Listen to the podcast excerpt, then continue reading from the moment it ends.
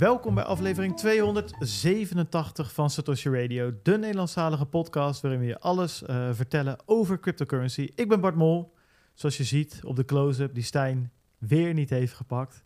Hè? Ja, heel goed. Nee, nee uh, ik ben Bart Mol en ik ben hier natuurlijk met Bert de Peter Slachter. En we zitten in de studio. Gezellig heren. Goedenavond.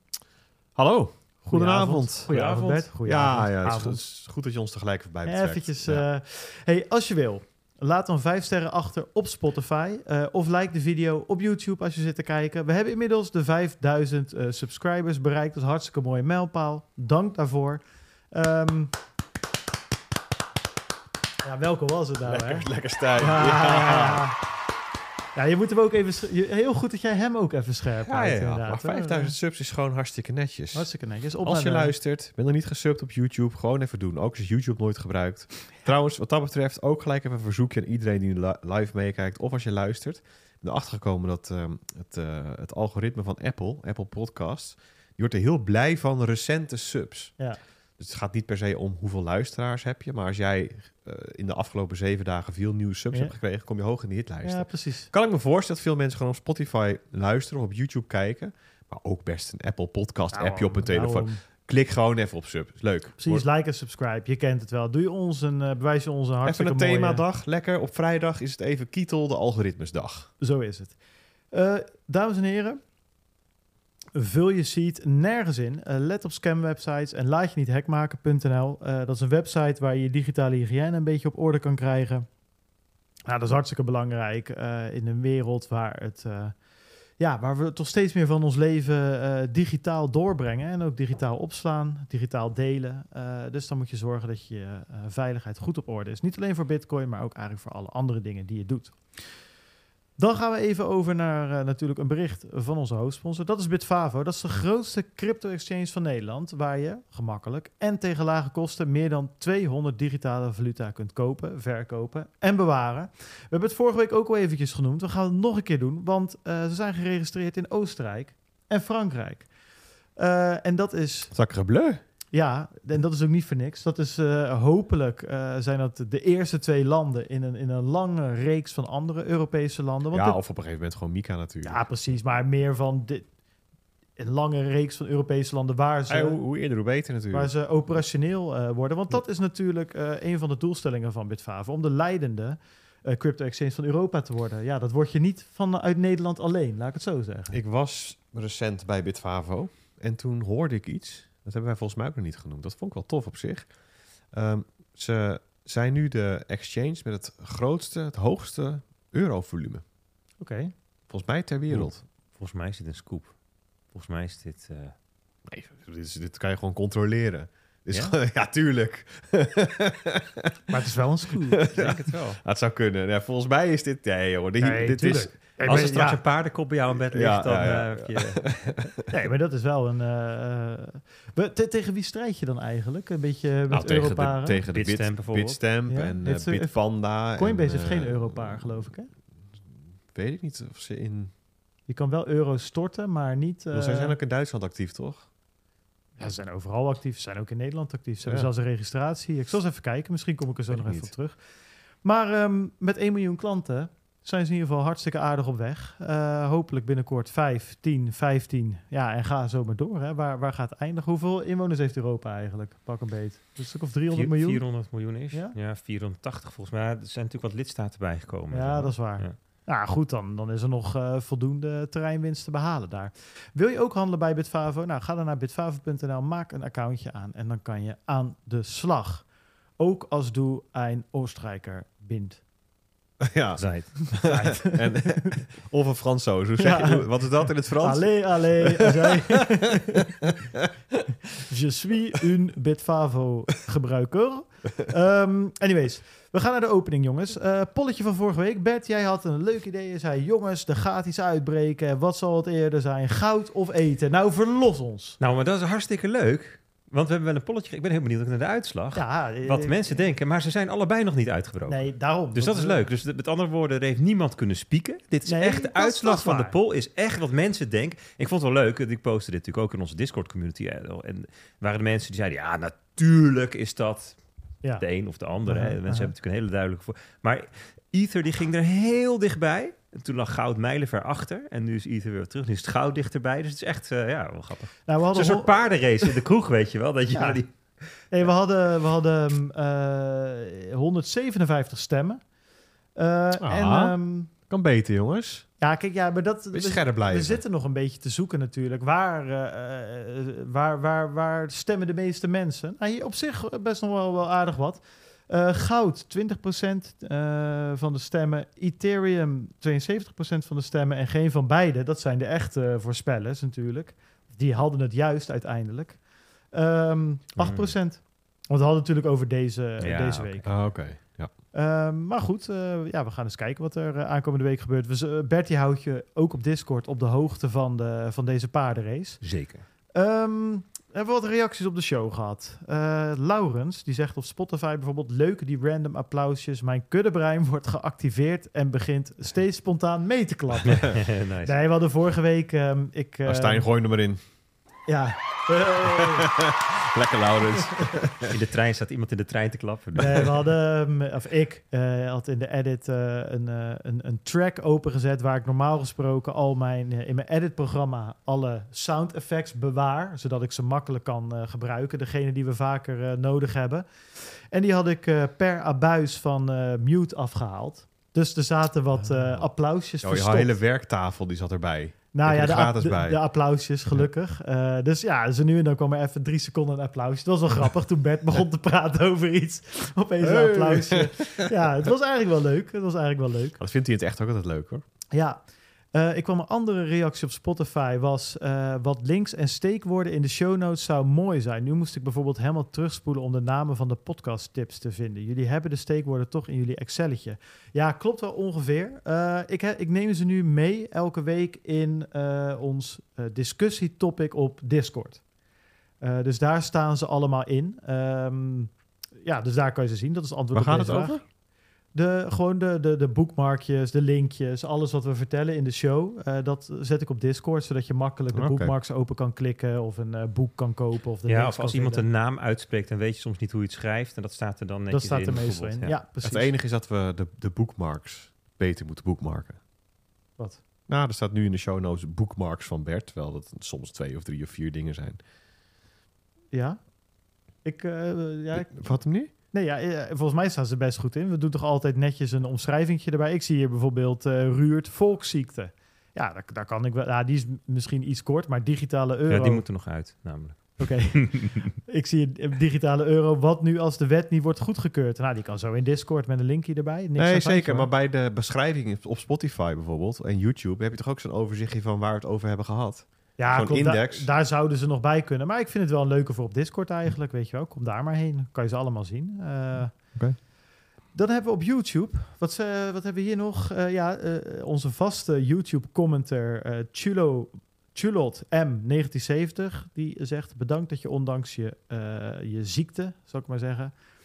ondanks dat je je ziek voelt, toch deze podcast maakt. Duimpje omhoog, duimpje omhoog, duimpje omhoog. Nou, geen probleem. Ik deed het graag en ik ben weer helemaal beter. Dus dat is fijn. Eh, een Discord-dingetje. Zo, pa- pak jij die eens even op. Discord. eh, Van Nam, denk ik. Ja. Van Nam. Die zegt, bedankt voor de wekelijks, wekelijkse podcast, jongens. Ik woon in Sydney. Het is vaste prik op de zaterdag. Ja, want het, tijdverschil is wel eh, fors, geloof ik, hè, ja, Sydney. maar ja, dat is wel. Nou, Als wij het publiceren, dan is het daar al zaterdagochtend zo ongeveer. Ehm, het is van zover heel interessant om het Nederlandse Europese perspectief op de markt te horen. En het helpt me ook om het Nederlands bij te houden. Oh, very well. Ja, mijn, mijn, mijn Australisch is niet zo goed. Nee, dat was. Oh shit. Oi, mate. Ja, maar dat is, dat is een be- matey. Ja, Dat het, is al zo'n heel, heel duidelijk herkenbaar accent, maar ik kan hem nou niet even erboven tafel Nee. Vind, ik nou- vind ik nou jammer. Ah, Van Dam, niet sorry. Had ik wel leuk gevonden. Hele interessante discussie over UTXO's. Ik ben het met jullie eens dat velen waarschijnlijk niet eens van het bestaan weten. Laat staan hoe het werkt. Vraag me wel af of meer educatie helpt. Of dat we als industrie juist oplossingen moeten bedenken... zodat de complexiteit verlaagd wordt voor de gebruikers in plaats van verhoogd. Nou, met het laatste ben ik heel eens. Ehm, ik denk ook dat het goed is om hier een onderscheid te maken... tussen gecentraliseerde toepassingen en decentrale toepassingen. Ja, ah, prima aanvulling. Ja, zeker. Ja, dan hebben we nog... eh, Op Twitter zag ik nog wat leuks langskomen. Daar hebben we Jesse. En Jesse, eh nou ja, het is wel, wel een leuk bruggetje naar het volgende eigenlijk. De Spotify Wrapped komt weer langs. Eh, en als gebruiker zie je dat langskomen. Dan krijg je welke liedjes je geluisterd hebt. En sinds een aantal jaar ook welke podcast je geluisterd hebt. Hartstikke leuk. En het leuke is, als maker, als muzikant of als podcastmaker... krijg je, krijg je ook een Spotify Wrapped. Maar dan met feitjes die voor jou als maker leuk zijn. Komen we zo even op terug. Maar Jesse, ja, het... Ik zag mensen langskomen die, die, die stuurden, die hoorden bij onze top 1 luisteraars, top 1% luisteraars, en die hebben dan 7000 minuten geluisterd. Dat is in principe dus elke aflevering van begin tot eind. En toen kwam Jesse, Jesse Holte, en die stuurde mij op Twitter een berichtje en die zegt, ik hoor bij de top 0,1%. en Jesse, die heeft, komt die 21.791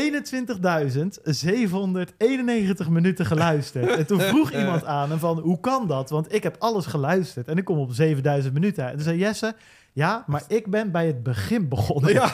Holy shit. Jesse Hij heeft heeft- 363 uur heeft hij Hij geluisterd. heeft gewoon alles, alles heeft hij geluisterd. Ja, dat is, ja, als we het dan over applausjes hebben, even één applausje Ja. voor Jesse. Dat is wel... Ja, dus hij is begonnen bij de shitcoins. Ja, die, ja, de- ja, de- bij de de- Ziliga's. en Echt de- niet en, te geloven. eh, hij heeft 15 etmaal achter in totaal heeft hij geluisterd. Ik vind het, sick. ja, dit is echt eh, was vooraan, grandioos. Was vooraan begonnen, zegt hij. Ja, dit is geniaal. Wat ook wel leuk is, eh, om eh, uit die eh, Spotify rap naar voren te halen. Even één dingetje wat ik hier voor mijn neus heb. Nou, wij krijgen dan bijvoorbeeld te zien hoeveel mensen, eh, eh, voor hoeveel mensen wij in de top 10 podcast voor die persoon komen. Dus dat wij bij de 10 podcast horen die die persoon het meest luistert.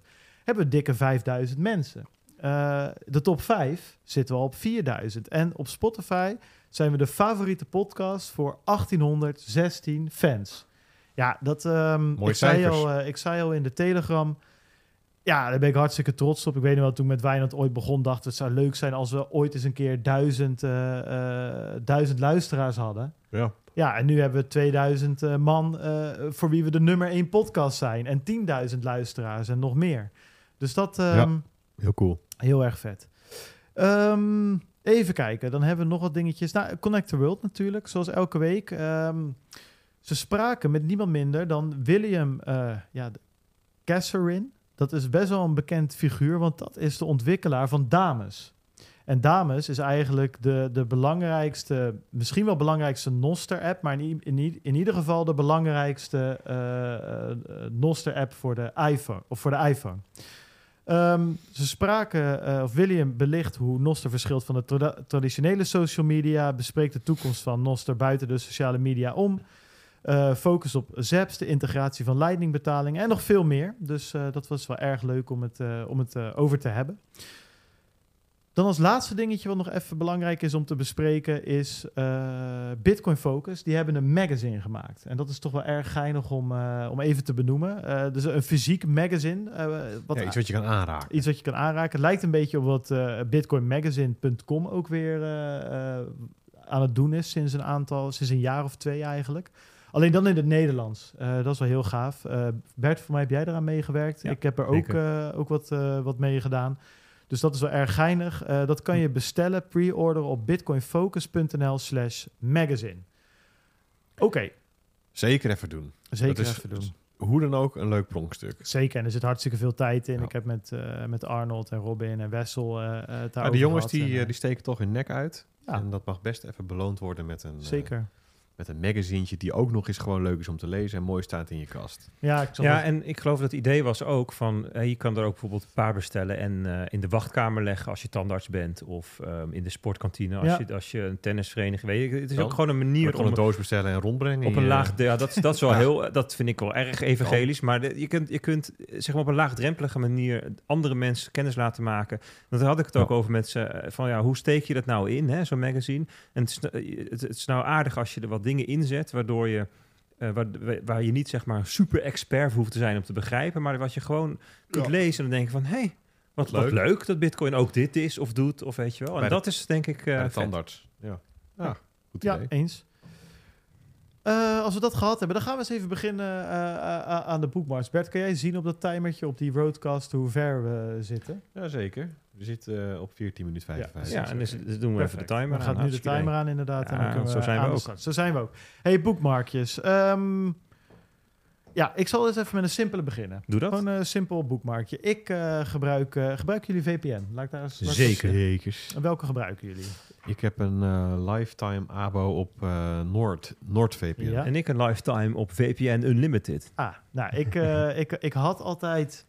Voor mij heb ik een tijdje Express VPN gebruikt, maar daar was ik op een gegeven moment klaar mee. Dat is wel de bedoeling. Ja, en... Dat je eh, het per ongeluk gebruikt. eh, wat? Nee, je zegt ik gebruik Express VPN. Ja, Ja. nee, ik had... ehm, maar ik ben dus... ik gebruik het wel per ongeluk. Dat staat nog aan. Dat is heel irritant via 5G-verbinding. Ja, voor mij was het Express VPN die ik had. Ja, ik snap de woordgrap hoor, maar Ja. nou wil ik zeker weten of ik hem had. Ja, het was Maar ik gebruik het vooral om Formule 1 te eh, luisteren. Het Ja. commentaar uit België te halen. Ja. Ja, ik, Olaf Mol. ehm, ik, ik weet Welkom niet, vrienden van de sport. Weet je dat? Ja, precies. Ja, ik, vind, ik vind het handig om hem eh, zo nu en dan even erbij te pakken. Maar anyway, ik kwam op een gegeven moment kwam ik terecht op Mul. eh, Bert, een eh, HDMI-kabeltje voor jou. Nul VPN. Mulvat VPN. Eh, dat vond ik leuk, want dat is een mol. Nou, dat, dat doet het natuurlijk goed eh, in... eh, Bart Mulvat. eh, Bart Mulvat, inderdaad. En ehm, ja, ik kwam gewoon goed uit, uit, uit de test. En je hoeft geen account te maken daar, dus dat vond ik fijn. En je kan betalen met bitcoin, vond ik ook grappig. Dus dat had ik gedaan. Goed uit de test in welke zin? Dat ze geen gegevens ja, je hebt natuurlijk die, die Nine Eyes volgens mij. dat hè, ze niet reageren op subpoena's. Ja, precies. Een beetje dat soort dingen. Dat ze niet in Amerika zitten en weet ik het allemaal. Nou, Geen los bijhouden. dus ja, dat deden ze dan weer wel. Ik bedoel, ze moeten ook gewoon aan de wet en regelgeving doen. Maar ze kwamen overal goed uit. Ik kon met bitcoin betalen, had ik gedaan. Maar nu eh, liep mijn abonnementje af. Dan moest ik weer eh, bitcoin ehm, eh, betalen. Maar nu zijn de fees hoog, dus daar had ik geen zin in. Toen ben ik gaan kijken van, kan je niet met Lightning betalen? En? Nou, niet bij hun, maar er is dus iemand, en dat was mijn bookmark, eh, want ik zag deze vraag langskomen. Die heeft dus een, een manier gemaakt waarop dat wel kan. Als je naar vpn.sovereign.engineering gaat, dan kan je je Mulvat-ID invullen. En eh krijg je een Lightning invoice, kan je gewoon betalen. En dan, eh, dat werkte binnen twee minuten. En toen had ik met Lightning gewoon voor een jaar lang mijn Mulvat weer eh gefixt. Geinig. Ja, vond ik grappig. Ehm, en dat brengt me ook bij het volgende punt. Je hebt ook LNVPN. Dat is echt helemaal een, een Lightning-based VPN. Dan kan je betalen met Lightning en dan krijg je een WireGuard eh, configuratie toegestuurd. En dan kan je ook gewoon die gebruiken. Vond ik ook wel grappig. Kan je bijvoorbeeld een VPN voor een uurtje kopen voor 10 cent. Ja, ik weet niet, als je het een keer nodig hebt. Dit is wel zoiets waarvan ik altijd denk, handig om ergens Ja. in mijn bookmarks te hebben. Ehm, dat je even gewoon, ja, stel je hebt behoefte aan een VPN, je zit op iemand anders computer, je hebt geen mulvat, je kan geen plugins installeren, dan kan je op die manier misschien eventjes snel wat fixen. Vond ik grappig. Dat is lnvpn.net. Alright, eh, ja, Peter, geef ik hem even aan jou, want we zitten hier ondertussen eh, nog wat HDMI-kabels eh, te verwisselen. Oh, nou ja, prima. Dan ga ik... ja, ik heb... ehm, eh, ik, ik kwam treurig nieuws tegen. En ik dacht, dat wil ik toch even delen. Ja. Delen met onze community. En dan kunnen we daar samen over rouwen. Want er is toch wel ja, een mastodont, een bekende belegger. Iemand van grote wijsheden overleden. Ja, Niet meer onder ons. De zakenpartner van? Warren Buffett. Goed zo. Ja, ja, Ja. ja, ja, ja, Dan hebben we het over, beste mensen, over Charlie Munger. Hij heeft de 100 Ehm, niet gehaald. Hij heeft de 100 niet gehaald, maar hij is een eind gekomen. Net niet. Ja. Nee, inderdaad. En ehm, ja, was, hij was dus. eh, ik, dacht dus, ik, ik kwam dat tegen en het boekmarkje is dan die gebeurtenis. Ehm, en tegelijkertijd zag ik heel veel berichten langskomen over, over Charlie Munger en over ja, dat mensen hem gaan missen, over wat hij geschreven heeft, pdf'jes met al zijn artikelen die hij ooit heeft eh, geschreven. Dat waren dan eh, duizend pagina's en zo. En het ging over zijn wijsheden. En toen dacht ik, nou, het kan best wel eens zijn dat een, een deel van ons publiek ja, of niet eens van die naam gehoord heeft, of er wel eens van gehoord heeft, maar ook niet echt weet ja. wat heeft hij dan gedaan, wie is dat, Ehm, waar hebben ze het dan over? Dacht ik, weet je wat, gaan we dat gewoon even behandelen. Ja. Ehm, dus Charlie Munger, zakenpartner van Warren Buffett, Ehm, en samen zaten ze in, ik, ik, ik gooi het nou Berkshire Hathaway, toch? ja, het is ongelooflijk, Ja. jongens. Eh, heel groot Amerikaans bedrijf, gevestigd in Omaha. Eh zesde grootste bedrijf ter wereld op basis van marktwaarde. Dus dan heb je het wel over serieuze speler. En Charlie Munger, die had een eigen vermogen van 1,7 miljard dollar. Ja. Dus dus eh, 1700 miljoen dollar. Ehm, en dat heeft hij grotendeels opgebouwd door zelf te beleggen. En ik had daar een leuk fragmentje bij, maar die gaat nu denk ik niet werken, want volgens mij zijn er HDMI-kabelproblemen. Ehm, maar dat maakt niet uit, was ook maar een klein fragmentje. Hij maakte daar een grapje over, ehm, eh, over zijn vermogen. Ehm, eh, en op zich geinig om dat even te horen. Maar dat doet er niet zoveel toe. Hij heeft vaak verteld en geschreven over hoe hij belegde. En die methode, daar wordt ook wel aan gerefereerd met de wisdom van Charlie Munger. Ehm, en nou, die wisdom, die wijsheid, die beleggingswijsheid, die bestond eigenlijk uit vier criteria. Hij had een soort van framework voor zichzelf opgebouwd. Dit is de manier waarop ik geld steek in aandelen. Nummertje 1. Het moet een krachtig bedrijf zijn. En dat, dat dan bedoelt hij... ehm, het bedrijf moet een duurzaam, dus iets wat eigenlijk altijd aanwezig is, competitief voordeel hebben. En dat zie je terug in structureel hogere bruto marges bijvoorbeeld. En een structureel hoge ROIC, Return on Invested Capital. Twee, je moet het businessmodel kunnen begrijpen. Met andere woorden, je investeert alleen binnen je eigen circle of competence, zo noemde hij dat. Want ja, maak je betere beleggingsbeslissingen. Ehm, drie, het management moet getalenteerd en integer zijn. En, en zijn, ja, het is een beetje een soort van eh, Charlie Munger's razor. Hè? Je moet beleggen in mensen die je vertrouwt. Mhm. Je moet het idee hebben, ik ben het, eh, de partner in crime van het management. En vier, hanteer een veiligheidsmarge. En hij bedoelde daarmee dat je alleen koopt als de prijs eerlijk is. Eh, Dus daar zit meer achter. En, en als, je dat, als je dat hanteert, ehm, ja, dan bouw je voor jezelf een soort bescherming in tegen onvoorziene omstandigheden. Tegen volatiliteit. En daar hoor je eigenlijk al aan. Charlie Munger was relatief risicoavers en hij hanteerde een heel strak plan. Dan de vraag, hoe keek hij naar bitcoin? I think it's red poison, zei hij in 2013. Rattengif. Rattengif. Toen was bitcoin 150 dollar waard. 150. Vijf jaar later werd, werd naar die uitspraak gevraagd. Toen zei hij, so it's more expensive red poison now. Ja. Nou, dus er zat niet echt eh, in die vijf jaar een soort van ontwikkeling in zijn visie op bitcoin. Dat was eigenlijk hetzelfde gebleven. Idiot booms noemde hij de mensen die hoge rendementen haalden met bitcoin.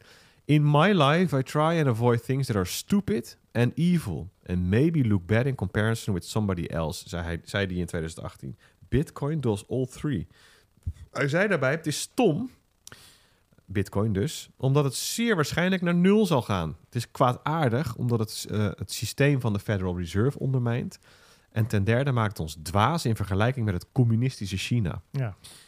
Ehm, want, zei die, Xi Jinping, die was slim genoeg om Bitcoin in China te verbieden. Wij zijn een stuk dommer. Dat was eigenlijk, dit, is, dit is hoe hij naar Bitcoin keek. Ja, op zich natuurlijk niet gek als je zijn regels ernaast legt. Precies. Het is helemaal niet gek. Want als je naar zijn beleggingsframework kijkt, ja, nummertje twee, je moet het businessmodel kunnen begrijpen. Ik denk dat hij dat niet begreep. Nee. Ik denk dat hij weinig door had, weinig wist, weinig kennis had over wat Bitcoin nou eigenlijk is. Ja. Er is Eh, geen management ook. Het is ook geen bedrijf. Nee. Het is geen aandeel. De waarderingsmodellen die kloppen er niet op. Dividend krijg je niet. Wie of wat moet je vertrouwen? Dit was echt een andere wereld dan de wereld van Charlie Munger. Ehm, ja, dus nou ja, goed, wat je dan met zijn uitspraken moet doen, ehm, dat mag je zelf weten. Ehm, wat mij betreft, ja, is dat dus wat Bitcoin betreft een hele grote korrel zout waard. En die laatste uitspraak, die hij een jaartje geleden op CNBC. Eh, toen zat hij naast zijn zakenpartner Buffett een beetje als die, eh, die twee oude mannen van de Muppet Ja, Show. dat hadden we toen gezegd. die- oh, ja, Waldorf en Grumpy Ja, of zo. Ja, is ja. het? eh, Ja, en, en ja, ja, Buffett die is, ehm, voor zover ik kan vinden, gewoon nog gezond. Ehm, die gaat ook, Stettler en Waldorf. Stettler en. Waldorf, ja. Eh, die drinkt eh, vijf blikken cola elke dag. Ja, misschien dat is dat het, misschien is dat het dan geheim. Iets dus, van een eh, Big Mac of zo had hij het altijd over. of, ja, eh, ja. Maar dit is dus even ja, in het kort ja, het verhaal van, eh, van Charlie Munger. Ik kan natuurlijk nooit zijn hele leesverhaal eventjes in een, in een eh, paar minuten zo eh, schetsen. Eh, maar nu, nu heb je, als je dit nog niet wist, een iets beter beeld Ja. over ja. hoe Charlie Munger keek naar beleggingen. Five cans of Coke en chicken nuggets. Ja, dat is, dat is Ja. het eh, dieet van Ja. Warren Buffett, hè? Ja. Ja. Hoe, Ja. hoe hij gezond blijft. Is denk ik inmiddels ook meer een meme dan dat het nog op waarheid berust is. Maar goed, dat, dat schijnt hij ooit een keer gezegd eh, Ja, volgens hebben. mij is zijn, zijn gedachte van ja, ik leef liever een jaar korter dan dat ik, eh, dan dat ik mijn dieet aanpas. Ja. Ja. maar tot dusver eh, doet hij het prima. Hey, ja, Bert, eh, ja, is Stijn, als het niet werkt, dan werkt Maar we het kunnen niet. gewoon eh, door. ja. Gewoon door. Dan geef me even naar mij dan. Ga, kan jij dan, ja, ja, zal ik? Komt-ie. Daar gaat hij. Lab there. Ja, Simon Ree op Twitter, dat is een auteur van ehm, eh, beleggingsboeken. En eh, hij is daar ook heel goed in. En wordt vaak podcast en wordt veel gevolgd. Ehm, zit helemaal in de traditionele financiële wereld. Ehm, daar, daar geeft hij ook vaak zijn, eh, zijn visie op en zo. Mhm. En hij quote tweet nu Lynn Elden, ons wel bekend natuurlijk. Zeker. En hij zegt daarbij, zegt daarover... Al een tijd vind ik dat 0% blootstelling aan bitcoin onvoldoende is. Maar na het lezen van Lins goed onderbouwde redenering, hieronder in die tweet... denk ik dat mijn magere blootstelling misschien zelfs te mager is. Ja. Toen dacht ik, nou, als je Simon Simon Ree. Kunt overtuigen dat zijn blootstelling aan bitcoin te mager is, dan eh, moet je wel een goed verhaal hebben. Dus ik ging even kijken naar ehm, het berichtje van eh, Lynn Elden. En dat is inderdaad de moeite waard om te lezen. Dus deze boekmark die kun je dus ook vinden. En dan kun je het zelf lezen. een heel verhaal. En er is één stukje uit, die vond ik leuk. Die wil ik met jullie delen. Ja. En dan zegt zij, het gaat over goud en bitcoin en, eh, en aandelen. En weet je, wat, wat, wat is, of, hè, of goud en bitcoin en geld en zo. En wat Mhm. is bitcoin nou eigenlijk? En ze zegt, ik heb een analogie. Stel, er zijn drie auto's. Eén auto heeft een motor, maar geen stuur. De andere auto heeft een stuur, maar geen motor. En een derde auto heeft zowel een stuur als een motor. Hoeveel beter is die derde auto dan die een van die eerste twee auto's? Je zou kunnen zeggen, ja, de eerste twee die hebben allebei één ding en de tweede heeft twee dingen, dus die is twee keer zo goed. Zij zegt, ik zeg jou dat die derde auto niet twee keer zo goed is als die eerste twee, maar orde van grootte is beter, honderd keer, duizend keer, miljoen keer beter, want die derde auto die heeft eigenlijk iets emergents aan het hebben van die twee dingen, namelijk dat die kan rijden. En dat is wat Bitcoin eigenlijk is. Bitcoin is v- orders van grootte is beter dan al die andere dingen, want het is namelijk niet alleen maar eh, geld, schaars geld, Mhm. zoals goud, maar heeft ook een ingebakken, gedecentraliseerd global settlement capability. Ja. En dat is wat echt bijzonder is. En dat Ja. vond ik een mooie analogie. Ik denk, nou, die deel ik met jullie. Ja, nee, eh, blij dat je het gedaan hebt. Ik vind hem namelijk ook al mooi. Ja. Ja. ik ben ook wel benieuwd. Ik ga het lezen. Ja. Ik heb het, het is mij ontschoten deze week, maar ik ga hem, eh, ik ga hem even oppakken dit weekend. Je hebt ook nog een eh, eentje. Ja, nee, ik, Dan ja, weven we hem even tussen is Nee, heel, heel goed. Ja, een, vaag verhaal van de week, zeg maar, wil ik dit een beetje bij scharen. Want ik zag het vorige week, eh, hebben we het niet behandeld.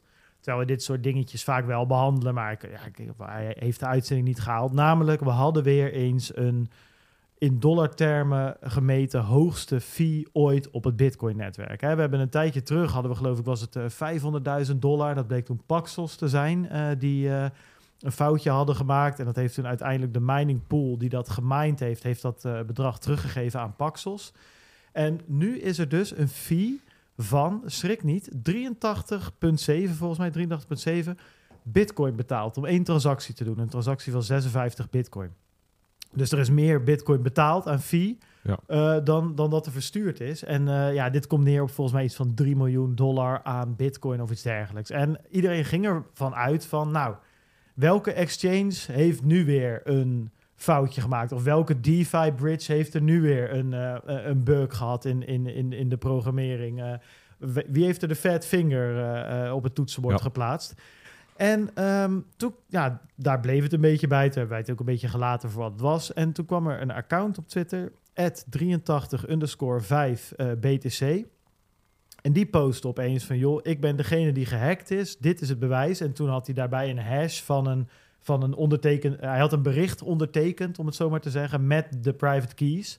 Eh, die horen inderdaad bij het adres waarvan die 83 eh, eh, bitcoin fee betaald was. En die 56 bitcoin verstuurd was. Dus ja, en Jameson Lop had dat geverifieerd en wat andere mensen gingen ermee aan de slag. En die gingen ook een beetje filosoferen van hoe, wat is hier gebeurd? Hè? Want die, ehm, het slachtoffer tussen aanhalingstekens, of degene die claimt het slachtoffer te zijn, die zegt: Ik had dus mijn bitcoin, die 150 bitcoin in totaal, of 140 bitcoin, naar een nieuw adres eh, gestuurd. En voordat ik het wist, was het weer weggestuurd. Hè? En dat is die transactie waar Ja. we het nu over hadden. En wat er nu gesuggereerd wordt, is dat dat nieuwe adres waar hij naartoe gestuurd had, dat dat een adres is wat met een lage entropy gemaakt is, waardoor het eigenlijk al gehackt was voordat je het gebruikt had. Er zijn sommige wallets die eh, eigenlijk hun seed Wat niet betekent dat? Low entropy? ja, eh, het komt er even kort gezegd platgeslagen. eh TLDR-antwoord is dat de, het is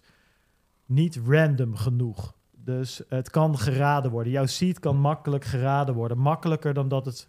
Normaal gesproken kan jouw seed niet geraden worden, omdat daar... Maar wij hebben het dan over, want als je, als, je, als je gewoon een private key genereert of een seed op de juiste manier, dan hebben we het over in de praktijk haast onmogelijk om ja, te kraken. Precies. En, en, en waar komt het dan op neer met zo'n low entropy? Nou ja, is het dan dat- een kwestie van eh, weken, maanden, jaren? Of, of werkt dat anders? Ja, Ja. iets in die richting. Kraakbaar. Het, het is vaak low entropy dat je ook de- dingen dat als je één weet, dat je de volgende heel makkelijk kan. Dus als je, dat je bijvoorbeeld, als je weet het is die wallet geweest en het is ongeveer Precies. op dat moment, dat je een heel beperkte zoekruimte krijgt. Dat er dingen. laatst volgens mij een heel gedoe over een een of andere standaard library, eh, die, waarbij dat dus ook... Dat was die ehm, iets met milk.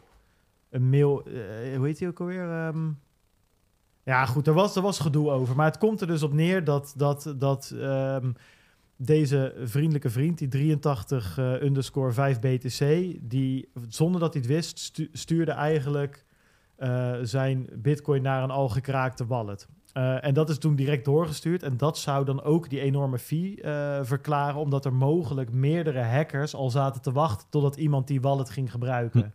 Ehm, ja, ik vind het eh, een mogelijke verklaring. Ik vind het, ik weet niet, ik vind het wel heel gortig dan 84 eh, ehm, eh, bitcoin aan fee.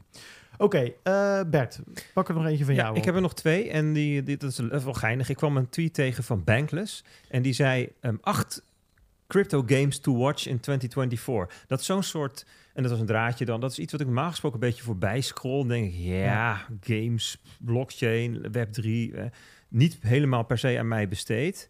Maar ehm, toen ging, dacht ik, weet je, ik ga toch eens even doorheen. En er zaten wel een aantal grappige dingen in. Bijvoorbeeld, er is hier een game. Nou, laat, ik- laat ik met het laatste beginnen. Ja.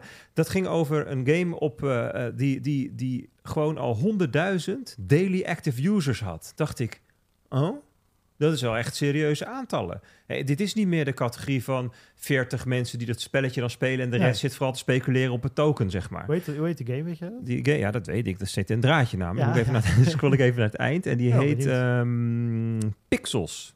Pixels is een game. Dat is been attracting op, op het Ronin-netwerk, blijkbaar. Het Axie. Infinity ecosysteem. Ja, en er, zit- er, zitten games bij, die zitten dan... eh, een aantal die op Base gebouwd zijn. Mhm. En van Coinbase dacht ik ook... hey, wat grappig dat die dat ecosysteem hebben gepakt. Niet zo gek voor games. Want Coinbase is natuurlijk heel makkelijk in het onboorden van niet-crypto-native mensen. En dat is natuurlijk dat, wat, hoe ze zich ook hebben gepositioneerd. Wij gaan met Base de hele de stap heel makkelijk maken van een, een account naar dat je ook on-chain dingen aan het doen bent. Dus dat vond ik grappig. Een ander wat ik grappig vond is dat ik zag er eentje die, waar, waarbij je dus als spelers tegen elkaar speelt. Maar voordat je gaat spelen moet je een bepaalde hoeveelheid ether vastzetten. En dat kun je dus van je andere spelers afpakken en winnen als je wint. Vond ik ook wel een geinig model. Dus ehm, er gebeuren daar dingen. Het is meer dan, ehm, ja, weet je, al die beetje flauwe experimentjes met, met meukachtige graphics die ik een paar jaar geleden zag. Dus dat vond ik leuk. Ah, iemand in de chat, Jordan, die vroeg ook net... wat vinden jullie van de hype rond de crypto gaming industrie? Ik weet nog niet of het al een hype is. Ik vind, denk, vind dat erg vroeg. Ehm, eh, dit, zeg maar, de mensen die ik over zie hypen, dat zijn de mensen die al in crypto zaten. En voor mij is de definitie van een hype toch dat er ehm, eh, ehm, een heleboel mensen van buitenaf, die er norm- normaal gesproken niet mee geconfronteerd zouden worden, nu ineens Mhm. denken, huh, wat is dat? Dan, dan is iets een hype als de taxichauffeur. Maar het is meer dan alleen ruis. Het is, het is, Zei als- je? het is meer dan alleen ruis. Ja, ik vind dus, als ik dit zo zie, dan, dan is het voor mij, nou, het is nog niet per se een signaal, maar het is wel een datapuntje waardoor ik denk, oké, dit moet ik in de gaten houden, want dit zou wel eens signaal kunnen zijn. Mhm. Ehm, Ja, ik blijf altijd wel. Ja, ik blijf dit eh, eh, een van de lastige dingen vinden. Maar dat komt niet zozeer omdat die crypto games helemaal kut zijn of niet goed kunnen worden, maar meer omdat die game-industrie. er zijn dus ook serieuze studio's hè, die er nu bij betrokken zijn. Ja, nou ja, ja. Ik zie skepsis, jongens. Nee, ja, ik vind. Nee, maar ik, Ja. het- zeg maar, die game-industrie is inmiddels ook zo'n miljardenbusiness met een aantal enorme studio's die eigenlijk iedereen opgekocht hebben. Daar zie je ook een enorme consolidatie. Volgens mij ehm, is een tijdje terug, was er zelfs zo'n grote overname dat eh, overheden zich daar tegenaan gingen bemoeien. Voor mij was dat Microsoft die, Ja, ik dacht, Activision, over Activision. En Activision had al Blizzard volgens mij overgenomen. Dus dat was al een, een moloch. Dus die, die industrie is inmiddels zo groot. En er zijn zulke partijen die eigenlijk al zulke mooie verdienmodellen voor zichzelf hebben verzonnen. Die eigenlijk niet per se gebaat zijn bij het openstellen daarvan. Daar is weinig waar je in andere eh, supply chains bijvoorbeeld nog wel winst zou behalen als die supply chain mooier zou zijn. Heb je hier gewoon ja, weet ik veel, EA Sports die pakketjes met FIFA-spelers verkoopt en Activision die skins verkoopt in Call of Duty en eh, hoe heet Mhm. die andere die eh, bij Fortnite hun skins verkoopt. Epic. Ja, Epic. Ja, dat verkopen ze via een eigen shop. Daar zit een mooi betaaldingetje omheen. Daar, daar is ook niks meer. Daar is zo Nou ja, weinig de- te winnen de- door het open te stellen. Deze game, eh, die eh, hier ook in het lijstje staat, Illuvium Arena, die is dus nu in de Epic Game Store geland. Dus het is niet meer gewoon een dingetje waar je een vage URL moet kennen, maar het wordt, zijn gewoon Ah. mainstream wordende games. Ja, ik, ik heb nog niet me er voldoende in verdiept om zo'n ehm, uitgesproken mening te hebben als jij. Ik ben vooral nieuwsgierig gemaakt. Dat ik denk van oké, ik vind het interessant dat dit gebeurt. Ja. En ik zie hier cijfers die anders zijn. Kijk, ik kan me nog wel herinneren dat we het ooit over Dabs hadden in 2018. En dan keek je op Dab, Dabs Monitor of Dabs Dab Watch. Radar. Ja. Dab Radar, dan had je 24 users, weet je wel. Dan denk oké, weet je, dit is gewoon, het, het, het, het werkt soort van. Ja. Hè? En ehm, ehm, eh, ja, op de pubquiz toen eh, daar ging het over, over die, die decks, weet je wel. Ik weet niet hoe heet ja, die nou? Ether Delta. Ether Delta. Ja, ja, dat weet ik nog wel. Dat was, en dan had je ook zo weinig users waardoor het werkte. Weet je wel? Maar dat gaat nooit schaal. Maar het is nu blijkbaar schaal aan het krijgen. He- ietsjes in het verlengde. Iets waar, wat mij ook opvalt is het volume op Solana nu. En het total value locked en DEX volume daar. Dat is echt keer vijf aan het gaan per maand nu. Dat is echt sick. Dan denk ik van, oké, dat is ook... Ik heb nog geen conclusie, maar dit is wel iets wat ik in de gaten wil Ja, houden. Dat geldt hierover. Goed, dat was alleen even mijn boekmarkje. Mhm. Boekmarkje was bedoeld om de nieuwsgierigheid te wekken. Van laten we dit eens volgen. Eh, laatste boekmarkje, dat ehm, eh, kreeg ik via ehm, Arno Wellens. Die retweette Michiel Hogeveen. Hij is Europarlementariër ehm, in, eh, voor de partij Ja21. En ehm, hij stelde een vraag in het Europees Parlement over de digitale euro. ehm, aan iemand, ik weet niet precies wie die meneer was, dat zou ik even moeten, beter moeten bekijken. Maar die, die, die vraag was: wat nou als wij er niet uitkomen en geen wettelijk kader maken voor de digitale euro? Dan mag de ECB hem dus niet zomaar uitgeven, want dan is er geen eh, opdracht eigenlijk van, van, vanuit de burgers van Europa. En wat zou je dan doen? En Angeloni Ignazio, ik heb het idee dat hij bij de ECB werkt. Hij zegt, wat, wat, wat mijn ideale scenario dan zou zijn... is dat we, dat we wel doorgaan met research. Dat we, dat we wel bouwen, maar dat we hem niet uitbrengen. Dat mag immers niet, we hebben geen wettelijk kader. Maar dat we hem achter de hand houden... voor als er zich een ja, soort crisisachtige ehm, gebeurtenis voordoet. Bijvoorbeeld alle betaalinfrastructuur in Europa ligt eruit. Dat we dan iets hebben om toch te lanceren. Als een soort van ja, reddingsoperatie. Dat dan de, een, dat dan de enige, enige is wat we dan zouden bouwen. Dat de ECB dat achter de hand zou hebben. Ja. Oké, dat is wel een interessante invalshoek. Die had ik nog niet zo gehoord, om er zo eens naar te kijken. Nee. Alright. Dat was het Ja, eigenlijk. nee, ze, eh, dat was mijn derde perfect, boekmark. perfect. Dan eh, gaan we denk ik naar eh, donaties. Ja, want ze hebben ze allemaal gehad. Ehm, ja, le- leuk. We hebben weer een donatietje gehad. 29.000 sats. Van Stefan uit Amstelveen. En die zegt, dit is nu de derde keer dat ik het probeer. Krijg de hele tijd een time-out. Wellicht weer eens een nieuwe noodzaak maken en hier iets over vertellen. Nou, dat is op zich geen gek idee, want dit is wel iets wat we vaker zien. Namelijk dat mensen die hebben hun gloednieuwe nood, die zitten twee dagen te wachten totdat die gezinkt is. Hè, 100% eindelijk blockchain gedownload, hoppakee. En dan open je een kanaal en dan denk je dat je klaar bent, maar eigenlijk is die aan de achterkant dan nog steeds aan het zinken. Dan is die namelijk de, ja, de channel graph heet dat. Dus eigenlijk een, een soort van. Vroeger had je Age of Empires, hè? heb je dat gespeeld? Mm, nee, volgens Ja, mij niet. eh, jij Bert? Age of Empire, zeker. Ja, nou dan begon je in het midden van, of je begon ergens in de map en je wist de map is een groot vierkant eh, ja, speelveld. En dan moest je eerst, ja, dan moest je de, de Fog of War moest je... ja, de Fog of ja. War moest je door. Je moest eh, met je poppetjes, moest je op zoek naar de vijand en dan verscheen de map. Nou, dat is eigenlijk wat er bij Lightning ook gebeurt. Jouw node die moet gaan praten met andere nodes, die weer gepraat hebben met andere nodes, om door te krijgen wie met wie verbonden is, waar kanalen lopen, wat de capaciteit van die kanalen is. Ja, en dat gossipen, dat roddelen, dat kan nog wel eens even nog gewoon twee dagen, drie dagen extra duren. En daardoor eh, komt het wel eens voor dat iemand met een nieuwe node, met een kanaal waar alles goed lijkt te zijn, alsnog payment failures krijgt. Dus dat is inderdaad geen gek idee om daar nog een keer een noodzaak over te maken. Anyway, Stefan, hij zegt, ik heb nog wel andere ideeën. Wat dacht je van, oh, nog andere ideeën? Er komen nog meer ideeën voor noodzaak. Eh, ehm, wat dacht je van een item over het restoren van een node met seed, phrase en channel backup? Ja, dat is best een leuk idee eh, om dat eens eh, te kijken hoe we dat, hoe we dat kunnen doen. Gaat op de lijst. Dank in ieder geval voor je donatie. En ik denk een applausje, Stijn. We gaan hem even erop gooien. Alright, dan hebben we dat gehad. Ehm, ja, ik, als, als de HDMI niet werkt, dan doen we gewoon een normale marktupdate. Uh, dat is op zich ook geen Wel, maar ik had net... Ik heb, uh, ik heb toch het gevoel dat we nu aan de zesde kabel zijn begonnen. Nee, het is, dus, het is dezelfde kabel, alleen... Uh... ja, want het is wel zullen wij, enigszins afleidend. Even, zullen wij zo eens even doorgaan? Ja, nee, zeker. We gaan ook door. Maar op een gegeven moment moeten de knopen doorgehakt worden. Ook een, of, of, zijn, we, zijn we de marktupdate toe dan? Of, of, kabels doorgeknipt. Ja, precies. Ook, ja, whatever. Ja, als het niet werkt, dan werkt het niet. Maar volgens mij moeten we nog wat bedrijven zeker, bedanken. Ja, zeker. We moeten nog wat bedrijven bedanken. Namelijk uh, de sponsoren die deze aflevering mogelijk maken. Anycoin Direct, Watson Law, Amdax, Finst en onze hoofdsponsor nogmaals natuurlijk, Bitfavo. Um, ja, gaan we door uh, naar, naar een ander onderdeel van de show. De deep dives. Oh yeah. De deep dives. Ja, ik, ik, ik heb wel een leuke op zich. En um, dat is iets wat niet alleen op Discord terugkwam, hè, want daar halen we natuurlijk de inspiratie vandaan. Als jij uh, Alpha-lid bent, uh, dan kan je op Discord uh, vragen stellen en dat wordt heel veel gedaan. We hebben deze week denk ik weer een stuk of tien vragen behandeld of zo. Dat is best wel leuk. Er komt, komt, van alles ja. langs. En ik merkte dat sinds dat we het een beetje over UTXO-management hebben gehad, vorige week, dat er toch wel wat vragen langskomen over self-custody en het zelf opslaan van je bitcoin, dat soort dingen.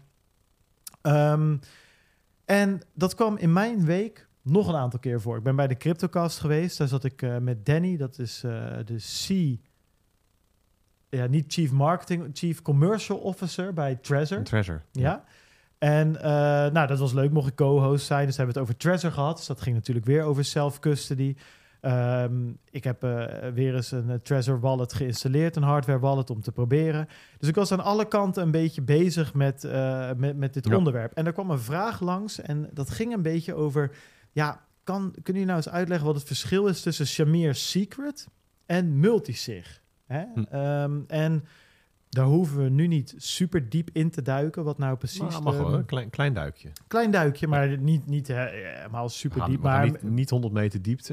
Maar je ik je hebt geen luchtflessen nodig? Nou, kijk, het ding is, ik, ik ben best wel in uh, multisig uh, gedoken een tijdje. Maar daardoor heb ik Shamir Secret altijd een beetje links laten liggen. Uh, hm. Terwijl ik er nu achter kwam dat het eigenlijk niet helemaal fair was. Ik vind Shamir Secret eigenlijk beviel me beter dan... Ja, dan ik heb er in de praktijk nooit iets mee gedaan nog. Nou ja, ik zal vertellen wat het is. Het is eigenlijk een manier om... Beide zijn manieren om risico te verdelen eigenlijk. Um, en daarmee bedoel ik het risico dat als iemand jouw seed vindt... Hè, of bij jou, jou, jouw 24 of 12 woorden in handen krijgt... dat hij dan jouw bitcoin kan versturen. Of jouw Ethereum of whatever je op die hardware wallet hebt staan. Of als diegene jouw hardware wallet in handen krijgt... dat hij datzelfde uh, kan doen... En, en multisig is een manier waar je eigenlijk om één transactie te versturen, heb je dan meerdere handtekeningen ja. nodig. En dat zijn meerdere seeds. Dus als iemand één seed in handen krijgt, dat is niet genoeg om een transactie mm-hmm. mee te versturen. Uh, bij Shamir Secrets is het de uitwerking hetzelfde. Um, maar de, de, de, manier hoe dat gedaan wordt iets anders. In plaats van dat je drie seeds hebt, deel je één seed op in een aantal stukken. Waarvan je er een x aantal nodig hebt om die seed te, te, te, na, opnieuw op te stellen. Dus je zou het zo kunnen zien. Multisig is een slot waar je uh, drie sleutels hebt, waarvan je er twee nodig hebt om het slot open mm-hmm. te maken. Shamir Secret is een slot waar je één sleutel voor nodig hebt, maar die sleutel bestaat uit drie delen, mm-hmm. uh, waarvan je er maar twee nodig hebt om die sleutel na te maken. En dat is een, een, klein verschil, maar op bepaalde punten bepaalt dat wel of je gaat kiezen voor Shamir of voor Multisig. Um, kijk, het grote voordeel van Shamir is denk ik, wat mij betreft, uh, dat het voor alle coins die jouw hardware wallet ondersteunt, werkt dit. Omdat je je seed Ja. eh, opsplitst. Multisig is echt een Bitcoin ding. Dus dat is echt Bitcoin only. Dat werkt niet voor Ethereum, of niet op dezelfde manier, laat ik het zo zeggen. En al helemaal niet voor alle andere coins. Terwijl dat bij eh Shamir bijvoorbeeld wel zo is. Dat brengt ook weer een, een voordeel van multisig mee, eh, in mijn ogen. Ehm, dat multisig is, is, is, zit ingebakken in het Bitcoin-protocol. Dus eh, waar je bij Shamir toch altijd een beetje enigszins afhankelijk... Shamir is, is, is ook niet wat per se verzonnen is door één hardware eh, wallet fabrikant. Maar je moet wel op zoek naar hardware wallets of wallets op je computer die dit ondersteunen. Waar jij dus met jouw Shamir, eh, eh, die shards heten dat, dus die stukjes seed, waar je die bij elkaar kan brengen en dat die wallet daar dan weer Ja. één seed van maakt. Terwijl bij multisig, ja, eigenlijk elke Bitcoin wallet, elke serieuze Bitcoin wallet, zijn er, een aan, zijn er best veel die dit ondersteunen. Dus je Mhm. bent wat minder afhankelijk van eh, de walletfabrikant. Wat ik ook nog een, voor, eh, voordeel vind, ehm, is dat je bij multisig onderteken je één transactie, terwijl je bij Shamir je seed eh, heropbouwt, om het zo maar te zeggen. Nou, waarom vind ik dat een risico? Dat betekent, bij, bij multisig heb je maar één... ehm, zeg maar, bij Shamir is er ook een moment waar, waar je ehm, eh, de laatste shard toe gaat voegen om je seed te herconstrueren. En dan openbaart zich je seed, waar je in potentie je complete wallet mee leeg kan halen. Bij multisig is het zo dat je een transactie ondertekent. Mhm. Dus als iemand op het laatste meekijkt, toevallig, ja, dan ziet hij hoe ik met mijn laatste seed een transactie onderteken. Maar als hij de- met die transactie kan die voor de rest weinig. Dus eh, het verschil is daar wel dat ehm, eh, als iemand kwaad wil met multisig, dan zal die eerst een transactie moeten maken met mij onder dwang. Van je stuurt nu al je, Bart zijn bitcoin naar de wallet van de crimineel. En dan moeten we naar de tweede multisig, wa- eh, na- na- na- naar de tweede seed, naar de tweede hardware wallet om hem te ondertekenen. En dan, dus die, Ja. die attacker, die moet op veel meer plekken aanwezig zijn. Bij Shamir, als ik besluit op een gegeven moment gewoon eh, zonder dat er een aanvaller is om eh, mijn bitcoin van mijn wallet te halen, dan heb ik helemaal nog geen transactie gemaakt. Dan moet ik eerst die seed gaan herconstrueren. En als op het laatste moment opeens een aanvaller verschijnt, dan kan hij die seed pakken, transactie maken naar zichzelf en dat versturen. Het is een periode heel kwetsbaar. Ja, Even meer ergens. dan multisig. Ja. Dit is wel voor de duidelijkheid, dames en heren. Ik ben nu echt spijkers op laag water aan het zoeken. Ja. Even. Nou, weet ik niet hoor. nou, Kijk, je hebt het Voor nu een over... deep dive vind ik dat wel teleurstellend. Je, je hebt het nu, eh, ja, ja. je hebt het nu over multisig, maar je zou hem ietsjes abstract kunnen maken naar ehm, met, met meerdere wallets ehm, een, een transactie ondertekenen. Ja. Hè? En je, je zou bijvoorbeeld eh, met slimme tab, eh, tab scripts. En dat is iets wat wallets moet je regelen. Hier moet je zelf als gebruiker helemaal niet over voor na hoeven denken. Maar wat je zou kunnen doen bijvoorbeeld, is je zegt van nou, ik heb ehm, eh, tw- twee van de drie nodig. Maar na vijf jaar is één van de drie ook goed. ja, klopt. Dus je kunt, je kunt ehm, slimme, verstand, slimme constructies bedenken, waardoor het vergevingsgezinder wordt. Ja. Waardoor er opt-outs zijn, weet je wel? Eh, Dat, dat soort dingen. Dat gaat met Shamir natuurlijk niet, niet Nee, kunnen. Dat is niet dynamisch, dat is statisch, dat is wat het is. En je, dus ik denk dat als wallets, ehm, als, het, als er meer standaardisatie komt, want dus dat, dat is een groot risico bij, bij multisig, Ehm, dat, dat, dat je een van de drie public keys kwijt kan dat bent en dat je dan niks meer kunt, weet je wel, dat soort dingen. Maar als, als wallets dit goed gestandaardiseerd ehm, eh, gaan doen, dan, kan, dan kunnen er zoveel slimmere dingen Ja. mee, dat het gewoon echt veel beter is dan Shamir, denk ik. Ja, nou ja, goed. Dat, daar ben ik iets van teruggekomen. Eh, ik, ik vond het al. Maar ligt het in de als, omdat de, de, de wallets en de standaardisatie gewoon nog niet Nee, goed genoeg al, is? eh, gewoon dat er heel veel mensen zijn die niet Bitcoin-only zijn, bijvoorbeeld. En dan denk ik dat Oh ja. een, een Shamir. omdat je dan een licht hebt ja- waar ook andere, die ook voor andere dingen gebruikt. En dan denk ik dat Shamir lichtjaren beter is dan het niet gebruiken. Om maar Ja. wat te noemen. En, en, eh, Waar de- gebruiken die seed nog meer voor dan? Ethereum. ja, alles wat Nee, maar als eh, jij natuurlijk, als jij, 39 als jij een Trezor Ja. hebt eh, en je maakt één keer een seed, dan kan je Ethereum opzetten. Je kan al je, al je andere coins, whatever je wil. En er zijn natuurlijk mensen voor wie dat geldt. En dan denk ik, ik dan kijk bij Trezor, die hebben dan nu met die, die seed storage, daar hebben ze een Shamir versie van gemaakt. Krijg je drie van die eh, metalen dingen. Eh, ik denk dat dat, ja, zeker dat dat Hm. beter is dan het niet gebruiken. Laat ik het zo zeggen. Ehm, dus ik ben daar iets van teruggekomen. Het is wel echt een ding wat vooral Trezor aan het pushen is. Eh, ik zie dat bij niet veel andere hardware wallet fabrikanten zo erg terugkomen. Dus dat is wel iets wat ik nog verder uit zou willen zoeken. Stel, Trezor gaat failliet. Hoe makkelijk, welke andere hardware of welke andere wallets, software wallets kan ik gebruiken om die Shamir eh, te unlocken, om, om weer die shards bij elkaar te brengen? Misschien leuk voor een alfa een keer. Ehm, wil jij nog, willen we nog even iets eh, uit de alfa oppakken van deze week? Ja, kan wel. Ja, ik ik, wel ik, leuk. zat ook nog, ik, ik zou ook nog een vervolgvraag kunnen stellen hoe dat dan werkt met die seeds. Waarom, waarom heb je een seed voor Bitcoin en, en kan je, waarom kan je die seed ook gebruiken voor Ethereum? Dat is toch gek? is toch raar? Waarom? Ja, dat, dat, ik, ik, ik kruip even in de huid van de luisteraar. Waarom zou het raar zijn? Waarom zou het... nou, hoe, hoe zit het dan? Hoe werkt het? Zijn dat twee verschillende netwerken, verschillende munten, verschillende dingen? Nou, dat is interessant, maar daar kan ik je geen antwoord op geven. Dus dat vind ik dan een leuk om op te volgen op Discord of zo. Maar eh, ik kan nu niet precies zeggen hoe de seed derivation is van eh, eh, Ethereum. Maar het is wel dezelfde, zijn wel dezelfde seed words. ja, oké. maar dit, Nee, dit maar die, die standaard, de standaard die gebruikt wordt voor seed eh, words en vanuit de seed words genereren van een private key voor die derivation pass in Bitcoin of een private key voor een Ethereum wallet, dat is een, die standaard is ehm, agnostisch. Die zou je zelfs gewoon voor ehm, one password kunnen gebruiken of noem eens wat. ja, maar het is wel grappig, want wachtwoordenkluis. heeft, heeft, heeft BIP39 er dan ook voor gezorgd dat... eh, Was BIP39 überhaupt voor de introductie van Ethereum? Heeft dat een soort van... Mm, de nee, voor- dus daarna denk ik wel. Hoe deden ze dat daarvoor? Dan ben ik dan wel weer benieuwd naar. Bij Ethereum. nou ja, dit, Private key, public key. Net bij Bitcoin. Ja, precies. Maar het, het is inderdaad wel grappig dat, dat op een gegeven moment dat stuk gewoon gestandaardiseerd, gestandaardiseerd Ja. is over de hele breedte heen. Ja, dus, dus de wat voor- Rabobank zou ook seed phrase kunnen gebruiken voor toegang tot hun dienst als ze dat zouden willen. Ja, maar ik vind het wel leuk dat alle blockchain-netwerken dat daarover eens zijn geworden dat dat gewoon goed is en dat doen we allemaal op dezelfde manier. Dat is, dus wel- ik vind het wel een goede vraag. En ik zou er nog wel eens, eh eh, er komt bij mij Siri opeens omhoog. Wat is dat, joh?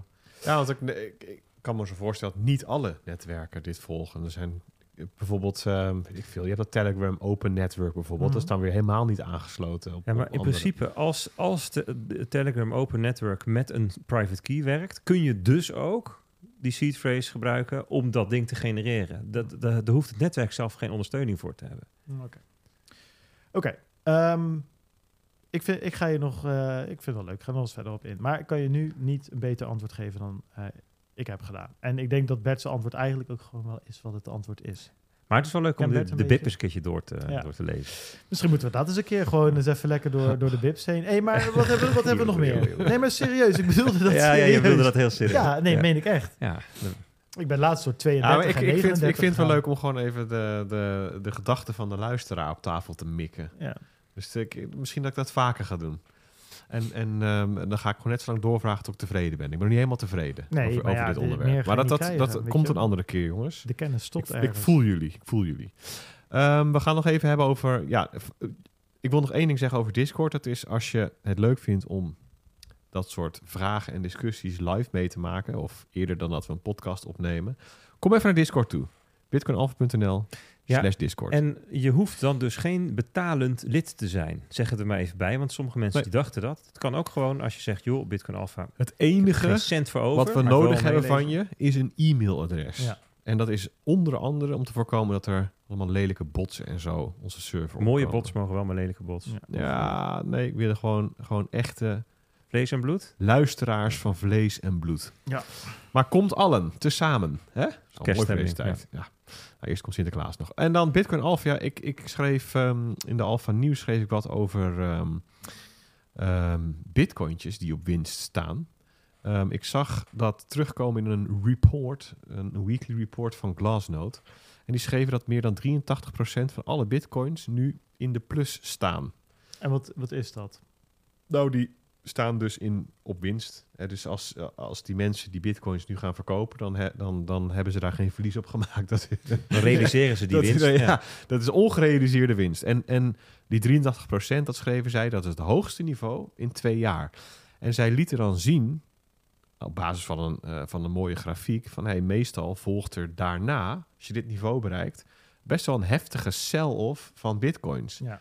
Mensen, beleggers, die zoiets hebben van... nou, hebben we mooi dit, mooie winst gemaakt. Dat gaan we eens even realiseren. En zij tekenen daar nu bij aan, van daar zien we nu eigenlijk nog helemaal geen signaal van. Sterker nog, we verwachten het ook niet. We zien nu duurzame accumulatie. Ehm, en dat beschrijven zij als ehm, een situatie waarin zowel grote als kleine investeerders hun positie uitbreiden. En ik vind het wel mooi. ehm, wij hebben het wel eens over long-term holders en zo, hè, en, en short-term holders. Mhm. En dat zijn dan ook eh, termen die in, de- in de technische analyse en de on-chain analyse terugkomen.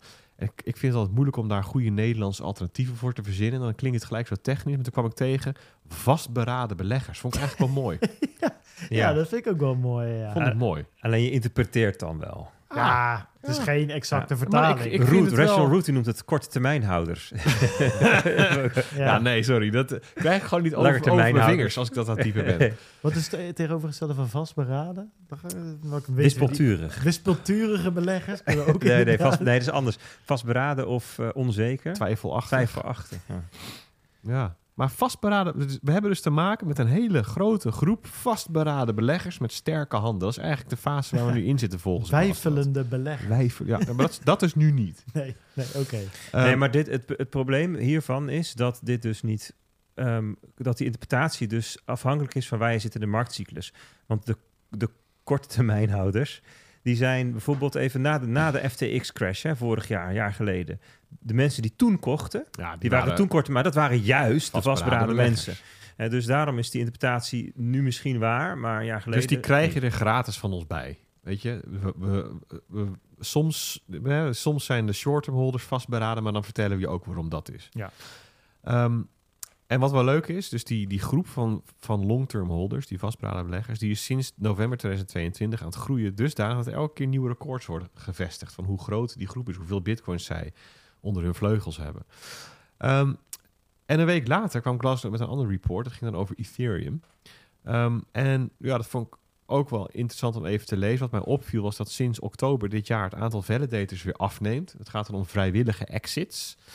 Ehm, het aantal ether dat daardoor dat, dat in omloop komt, neemt daardoor ook weer af. En dat heeft ermee te maken dat de ethercreatie gekoppeld is aan het aantal actieve validators. Ja. Er zit een rekensommetje achter waar ehm, het aantal actieve validators dus een variabele in is.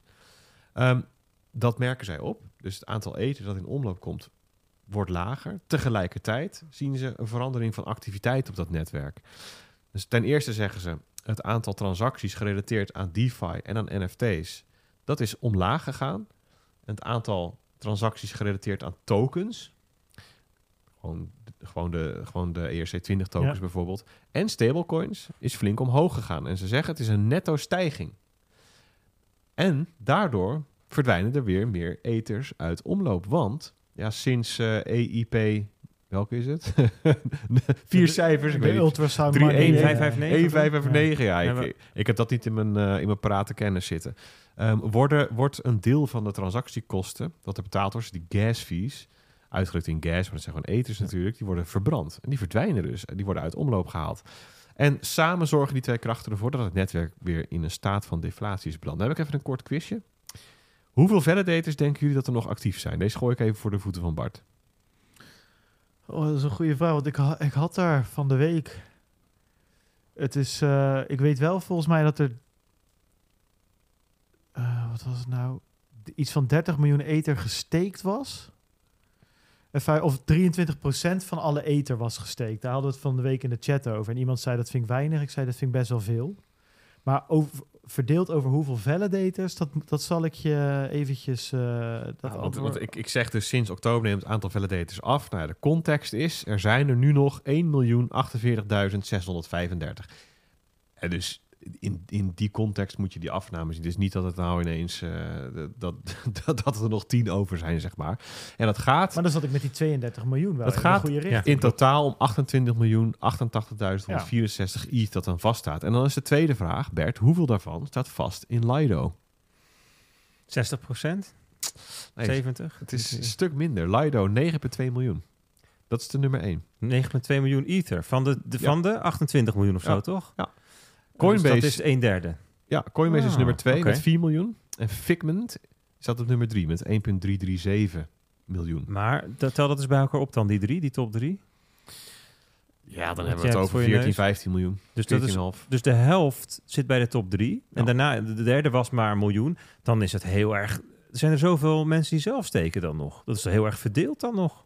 Baas me Nou ja, Ik- dat is wel ik- grappig. er, was, er was altijd heel veel commotie over de concentratierisico. En, eh, Nou, dat is er nog steeds wel. Want, eh, Er zijn zelfs I, EIP's, zijn, er zijn zelfs voorstellen in de maak waarmee concentratie van gesteekte ETH eh, gestraft wordt. Zo, om incentives te ja, hebben. maar je hebt nog steeds eh 32% bij Lido. Eh, ja, unidentified wel veel. Dan Coinbase 14%. Dan zit je op de helft. Kleine helft zit je al via twee stekers. Nou, dan vind ik het niet gek dat je daar druk op maakt. Kleine hel bij twee stekers. Pace zei dat de nummer drie nog maar 1 miljoen deed. Ja, dus Lido en Coinbase samen, die hebben 13,2 miljoen van de 28. Oh ja. Kleine Ja, helft. ja, ja, precies. En eh, we hebben Binance nog, zie ik hier nog ertussen Dus staan. miljoen ook. Eh, Fi- Figment. eh, Ja, Figment is dus een, een, een staking provider voor institutionals. Kennelijk.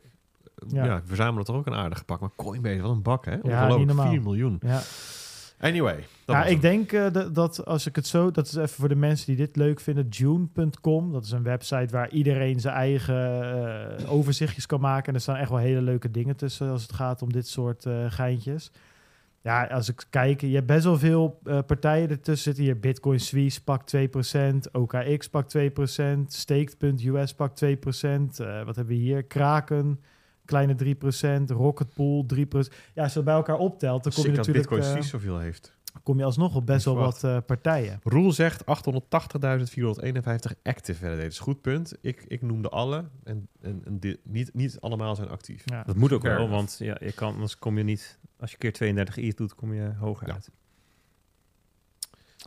Yes. Ja, Ja, dat pak was hem. hem. eh, Ja. Vind, vind wel leuk. Ja, leuk. Leuk geweest. Eh, dan is het tijd om naar de marktupdate te gaan. Die gaan we gewoon old school doen. Je moet het al moeten vertellen, Bert. Maar Kan dat ik ook. kan. eh, kan ik ook. Ja, we hebben het er vaak over gehad. Je, ook gewoon eh, persoonlijk stuurde jij dat wel. Op een gegeven moment, weet ik nog wel, eh, een paar weken terug, toen kwam dit idee een beetje in, in, jou opborrelen. Dat is altijd grappig om dan zo'n idee van opborrelfase naar uiteindelijk productiewerk te gaan. Nou, we zijn inmiddels bij productiewerk aangekomen, dames en heren. Namelijk, jij, jij vroeg op een gegeven moment aan mij en Peter in onze chat die we hebben van... joh, weten jullie nog dat er vorig jaar een aantal van die doodverklaringen waren? Hè? Toen kwam jij van, joh, de Economist heeft wat gezegd en eh, de ECB eh, die schreef wat. En eh, volgens mij was er nog één die met Sam Bankman-Fried ook op de voorkant. Klopt. Wat was dat? Ja, Business, Business Week, Week, of zoiets? Fortune, ja, Fortune, ja, zoiets in die richting. Forbes, Forbes. Business Ja, Week, Forbes was het. En Forbes, eerlijk is eerlijk, daar moeten we van zeggen, die richten zich vooral op Sam Bankman-Fried. Daar hadden ze er uiteindelijk wel, eh, wel gelijk in. Maar bijvoorbeeld eh, die Economist, die had echt over crypto's downfall. En de ECB, die schreven dus dat Bitcoin op weg is naar irrelevantie. En volgens mij, Bert, als ik dat hier zo goed zie staan, is dat precies een jaar geleden. Nou ben ik wel benieuwd, hoe is het daarmee afgelopen? Ja, 30 november 2022 verscheen er een blog op de website van de ECB... waarin ze Ah. schreven... Hoe is een onderzoek, hè, volgens de... Ja, daar kom ik zo meteen op. Laat het gas nog maar even staan. Ehm, Ik stop waar- met de vraag. al. Ja, ik heb heel precies de vraag uitgeschreven. Nee, maar dus er kwam er een blog op de website van de ECB waarin ze schreven dat Bitcoin op weg is naar relevantie. Precies een jaar geleden. Maar het verhaal is eigenlijk nog veel mooier dan dat. En dat wist ik niet tot, ik denk afgelopen dinsdag. Dus dat is voor mij ook nieuw. Dus jullie hebben, ik, ik deel nu met jullie mijn ontdekking van afgelopen dinsdag. Want op 21 november 2022, dus dat is negen dagen eerder, plaatsten die twee medewerkers van de Europese Centrale Bank triomfantelijk een triomfantelijk opiniestuk op eh, de site van de of nee ja, in de Duitse krant Handelsblad. Ja. Daar, daar werd het stuk in. En ik zal het toch even bijpakken. Eh, Pak kan- kan Deze niet- kan beste Duits zien. voor. Maar ehm, er staat dan een, een gastcommentaar. Hè, dus dat Ja, is ja. een opinie, een gastopinie. Der Bitcoin, de Bitcoin, dus dat, is- dat, in Duits doen ze dat ook, de Bitcoin. Eh, Der Bitcoin is auf dem Weg in die Irrelevanz. Ja. Bitcoin is op weg naar irrelevantie. Daar begint als de kop erboven. Ehm, en ehm, zij, zij beschrijven daar, de koers was toen op 21 november net gedaald naar onder de 16.000 dollar. Door de ondergang van FTX. En die twee ECB'ers die blikten dan terug naar de zomer van dat jaar, zomer 2022. Toen de koers stabiliseerde rond de 20.000 dollar. Dat was net naar Celsius. En toen schreven ze daarover De stabilisering van de koers rond de 20.000 dollar, dat, die voedde de hoop dat het een adempauze was op weg naar nieuwe hoogte. Het was echter van tevoren al duidelijk dat het een laatste hap naar lucht was op de weg naar irrelevantie. Dit heb ik nooit zo gelezen, want dit staat in de blog. Mhm. Op de ECB-site staat het anders. Maar dit is wat er in het Duitse artikel staat. Ja. Hè, dus eh, die bitcoiners die dachten dat eh, toen het weer eventjes tegen de 20.000 dollar... Dat, het, ja, dat ze daarna weer naar all-time high zou gaan, eh, die, Ja. die, die, die boels. Maar voor de rest van de wereld... Maar het was van tevoren al duidelijk dat... ja. Ja, dat was een laatste opleving. Hè? Dus de, de sterven die nog even wakker wordt. Zij maar- hebben op de top verkocht. En nou ja, dat gastcommentaar, de gastcommentaar, ja, dat werd dan een, negen dagen later op de ECB-site geplaatst. En van daaruit ging het de wereld over, want dat was wel het punt dat iedereen het ontdekte. Financiële Dagblad, die zette toen ehm, in de krant... ECB-onderzoek stelt dat bitcoin op weg is naar irrelevantie. Het Nou is, ja, goed. blijft onbegrijpelijk. Hoe, krijg je dat nou als journalist uit je vingers? Ja. Ja, ja, ja, Het ja. is toch... En toen, toen, ik zei dus op Twitter op 30 november vorig jaar, precies een jaar geleden, ECB Bitcoin is dood. Een quote van die blog. En daar reageerde Joost van Kuppenveld, hè, eh, van- het FD, reageerde erop. En we gaan het niet begraven, maar laten wegrotten. Dat is, dat was, maar dat was het sentiment. En ik vind dus, weet je, die, jij noemde van, eh, van, ja, die van ehm, eh, Business Week, Ja. Forbes Business Week, dat, is, dat gaat over FTX. Sure, hè, klopt. En hadden Crypto's Downfall vind ik eigenlijk ook best een terechte schets. Hè? Alleen het punt is, mijn punt is, ehm, het karakteriseert heel erg. Sure, Het is, sure. het is echt een heel mooi symbool van dat moment. Want wat is er nou zo mooi aan dat artikel in het Handelsblad op 21 november? 21 november is exact de dag van de bodem van de bearmarkt. Ze hebben gewoon, ze hebben het gewoon voor elkaar gekregen om op de bodem van de bearmarkt Damn. in de krant te zetten. Bitcoin is op weg naar irrelevantie. Ik vind dat zo geniaal. Ja, misschien eh, zijn die, die gasten die het geschreven hebben... zijn eh schuilnaam van die andere gozer... die altijd van die... eh, Ja, iedereen die- re- re- re- Jim Cramer ja, bedoel je? Jim Cramer, ja. ja, ja, precies. Die wordt ook altijd gereverse trade. Maar goed, v- vanaf de bodem, hè, dat is dus een jaar en negen dagen geleden, steeg de koers ehm, naar boven de 38.000 dollar, hè, van Ja. 15.438.000 dollar. 150% stijging bijna, hè, dus zo irrelevant. Maar oké, dat is de koers. Hè, dat reageerde ook eh, een ander journalist Ja, wat, op. waar is, alsof de, prijs zo relevant. Ja, Wat het- belangrijk. ja. Maar de meeste andere metrics die ook wat zeggen, die wat zeggen over adoptie, over gebruik, over activiteit, die zijn ook weer aan het stijgen. Dus het is niet alleen maar de koers. Je kan ook zeggen de koers, ja, dat is wat gek ervoor geeft. Hè? Ja. Ehm, maar ook metrics die iets zeggen over feitelijk gebruik, adoptie, in gebruikname, activiteit, die zijn ook weer flink aan het stijgen. Hè? Dus dan heb je het over. Toch ehm, vind ik het nog wel eh, ja, een fair punt. Maar ook als je iets verder uitzoomt vooral. Hè, het is natuurlijk leuk dat we weer in een, in een bull cycle zitten met een beetje geluk. Maar eh, dan moet ik de haters wel een beetje gelijk geven. We moeten ook, eh, er, moet, ja, er moet wel ook een keer wat, wat voor terugkomen. Qua? Nou, gewoon eh, functionaliteit, Zeker. verhalen die waargemaakt worden. Dat Zeker. Maar ik ga de, de, het feest niet verstoren. Nee, nee, absoluut. Dat ben ik he- he- 100% mee eens. Maar dat uiteindelijk doet ehm, ehm, de natuur daarin zijn zuiverende weg eh, vanzelf. Ja. Hè? Als er niks gemaakt wordt wat daadwerkelijk iets oplost voor mensen, dan verdwijnt dit. Maar houd het een keer op. het zeker, simpelweg op. Kijk, dan is het inderdaad gewoon een grafiek die omhoog gaat en weer naar beneden Ja. als we vanaf 2060 terugkijken. En dan Ja. zie je, nou, weet je nog, 40 jaar geleden, eh, omhoog, beneden, klaar, weg, boef. Ja. Dat zou kunnen. Eh, dus het is heel simpel. Bitcoin is daadwerkelijk op weg naar irrelevantie als het niks op gaat lossen. Zo simpel moeten we zijn. Ehm, volgens crypto.com, die doet altijd die eh, onderzoek naar eh, hoeveel mensen hebben crypto. Die, volgens crypto.com steeg het aantal mensen met crypto in bezit in de eerste helft van dit jaar met 21% van 425 miljoen naar 516 miljoen mensen in een bearmarkt. Ja. Moet je nagaan wat er gaat gebeuren als we weer in een boelmarkt terechtkomen. Ja. Want zijn we er al? In die nieuwe boelmarkt. In Nee. de nieuwe boelmarkt. Nee, nee, en dat is denk ik wel goed om je te realiseren. We zitten nu eh, in, de, in de lente van de marktcyclus. Ja. Dus ja, ik had hem op het scherm willen zetten. Maar het is misschien leuk om ehm, eh, eens even de laatste of de ene laatste eh, Alpha Markets erbij te pakken als je dit luistert. Ehm, misschien staat die in het sowieso beschikbaar eh, gratis gedeelte. En anders moet je maar eventjes zo'n proefabootje nemen. Dan zie je die marktcyclus, dat is zo'n mooie sinusgolf. Met daarop dus de sentimenten. En het stuk van de winter eh, met daarin de paniek en de, de, de, de, de capitulatie. Ja, die hebben we duidelijk achter de rug. Ja. Hè? Als je nu kijkt naar waar we zitten, is, het, ja, is dat de volgende fase. Dat begint met een stukje apathie, moedeloosheid, schouders ophalen. Het schiet allemaal niet op. En inmiddels zie- zien we meer. We zien, we zien hoop. En we zien in de, in de verte misschien al zelfs wat optimisme. En dat, oké, dus dat, je zou kunnen zeggen, de eerste sneeuwklokjes en de eerste krokusjes komen weer door de sneeuw. Hè? Met andere woorden, het blijft niet voor altijd eh, winter. Je ziet weer, oké, het wordt lente. eh, en nog even, je zit weer in de zon, maar het is nog geen zomer. Ja, En het dat kan is- ook nog wel een dagje sneeuw. Nou, het kan, Ja. precies. Ook het weer kan, kapot vriezen. Ja, ja, nee, maar, precies, dat- nee, maar ja. serieus. Nee, maar dat is Ja, een ja, hele ja. mooie metafoor. Want het, we vinden het nu allemaal mooi. Hè? Want die koers die stijgt. Ja, en zeker. 38.000 en erboven. En alleen het kan straks... we kunnen een- die- Het kan zo ehm 30% corrigeren. En dan zit iedereen weer in de, in de stress. En dan Ja. de bears die komen dan weer naar buiten. Zie je, zie je wel, het gaat allemaal naar nul. Wel irrelevant, toch wel. nou ja, overigens, als je dit leuk vindt, dit verhaal van de seizoenen en zo. ehm, ik was twee weken geleden bij de CryptoCast BNR. Die kan je nog even terugluisteren. Daar hebben we het er een uur over.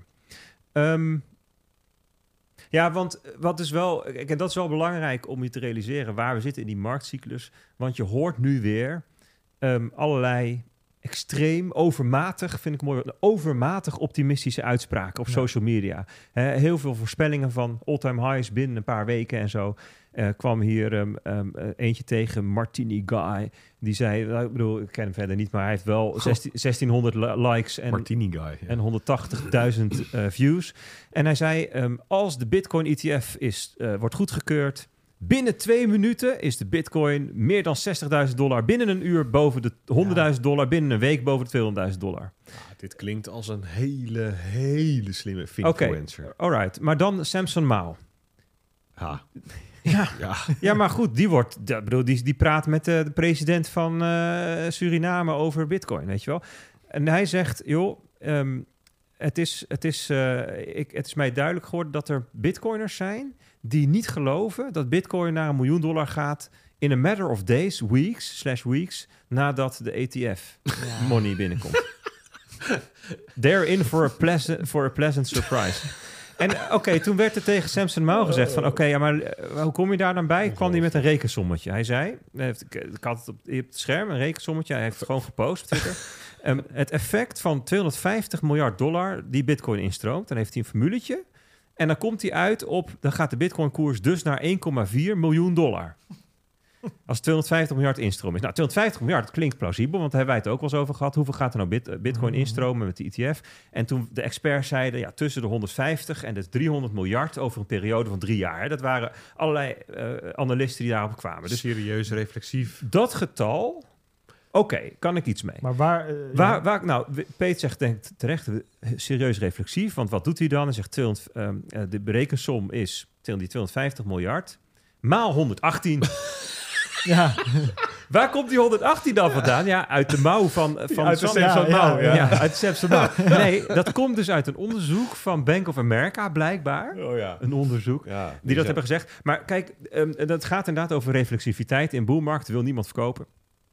Wij hebben hier het aan een aantal keer over gehad. En dat ook in een aantal Bitcoin Alpha's uitgebreid onderbouwd. Waar het vandaan, hè, wat, voor wat voor soort Ja. manier je het kunt berekenen. Realistisch is tussen de drie en de vijf. Ja. That's it. En dat, en dat zit, en dat is al serieus eh, reflexief. In de zin van, dan is er al serieus sprake van het zelfversterkende effect van de stijgende prijs.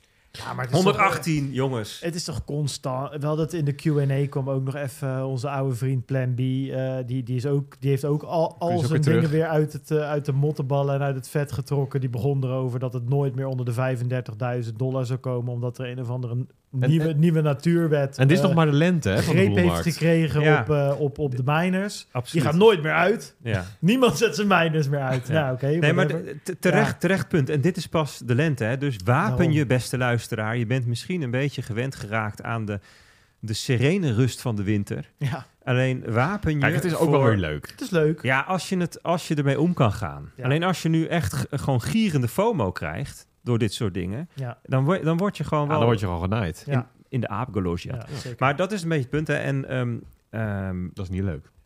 nee, dus. En het weer kan zomaar omslaan in de lente. hey Bert, vorige week hadden we het ook nog... ehm, volgens mij Ja, oh, kwam je vorige week... mag ik nog... eh, ja. Mag ik heel... Ik, ik, Sure. wat- wat- Okay, go ahead. want ik zat, de- Bert zat net in de lente van de boelmarkt. Toen dacht ik, best wel bijzonder, die situatie. Want als je uitzoomt en je kijkt naar de economie in het geheel... dan zou ik niet zeggen, die zit in de lente, zeg maar, van... ehm, eh, dat, dan zou je meer, meer zoiets hebben van, dan, dan is de economie geland. Je hebt het wel eens over hard landings, soft landings, no landings en zo. Daar, zit daar is Mhm. nog, zit daar meer in de herfst en de winter, zeg maar. Best wel ehm, bijzonder. Ja. Dat, dat, dat we in een... Ja, de marktcyclus en de conjunctuurcyclus hoeven niet noodzakelijkerwijs nee, maar die... allemaal van alle markten synchroon te lopen. nee, maar dat, ik had het echt niet verwacht. Ik had niet verwacht dat de bitcoinmarkt en de cryptomarkt in het algemeen zo krachtig zou zijn de afgelopen maanden. In een periode van zulke grote macro-economische onzekerheden. Die er nog steeds gewoon zijn. Ja, maar de onzekerheden zijn wel veranderd. In de zin dat ook de aandelen doen het hartstikke goed. Hè? Nasdaq zit tegen zijn all-time high aan. En S- S- eh, S&P 500. En je ziet ook... ehm, je ziet ook als je kijkt naar bijvoorbeeld liquidity. Hè, dus eh, zeg maar, wat is liquidity? Dat is de mate waarin balansen ruimte hebben voor, voor eh, ri- risk assets, voor risicobeleggingen. die, die, die liquidity ne- neemt, neemt flink toe laatste tijd. Hè? En dat heeft ook weer te maken met hoe eh, ehm, de, de obligatiemarkt nu zit en ook ehm, de verwachting van de renteontwikkeling. Ja, we zitten nu in een pauze. En ehm, ja, ik wil het zo meteen nog even over die soft, land- soft landing hebben. Dus parkeer ik even ook vanwege de tijd. Maar ehm, ik denk niet dat je kunt zeggen dat we ook in, de, ook in het algemeen op de financiële markten in een periode zitten van grote onzekerheid. Ik, je ziet ook de aandelen het be- behoorlijk sterk doen. Ja, weet je wie Eh. er ook een aandeel heeft? Coinbase. Ja, want dat wilde ik nog even vragen. Ja. Want dat hebben we het vorige week over gehad. Van dat gaan we eens even in de gaten houden. Omdat dat misschien wel, wel leuk is voor, voor crypto-liefhebbers... die zich ook op de aandelenmarkt eh, willen begeven. Eh, en dat vond op de Discord eh, best wel gehoor. Van Hm. meer mensen die zeiden... Oh, vond ik interessant. Best wel, eh, ik denk dat je Coinbase wel kan klassificeren als winnaar van november. Ja, ja ik, weet, ik heb Nou. het dus niet in de gaten gehouden. Dus ik ben oprecht wel benieuwd van... joh, hoe is het, eh, hoe is het met het aandeel eh, Coinbase? Ja, ik ben gewoon ter plekke even voor je aan het meten op de, op de grafiek. Want dan Ja. kan ik ook... je ook zeggen- weten, Ja, zo is het. Maar Coinbase, die had zijn bodem op eh 3 januari, in de week van 3 januari dit jaar. Ja. Dus dat is nog iets later dan Bitcoin. Dus dat, daarmee is ook de Hoeveel stijl. was dat? Dat was op een koers van eh, de exacte bodem is ehm, eh, 31 dollar.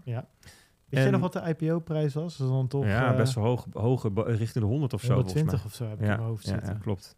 En het is uiteindelijk, ja, nogal meer trouwens. Nogal meer, echt wel sick veel. Maar de koers is dus dit jaar al 315% gestegen. Dus hij staat nu eh, op 125 dollar. En ehm, eh, die, dus, dus, zeg maar getalsmatig doet hij het goed. Maar ik vind, ehm, ehm, ja, laten we eerst bij getalsmatig even beginnen of bij de technische kant.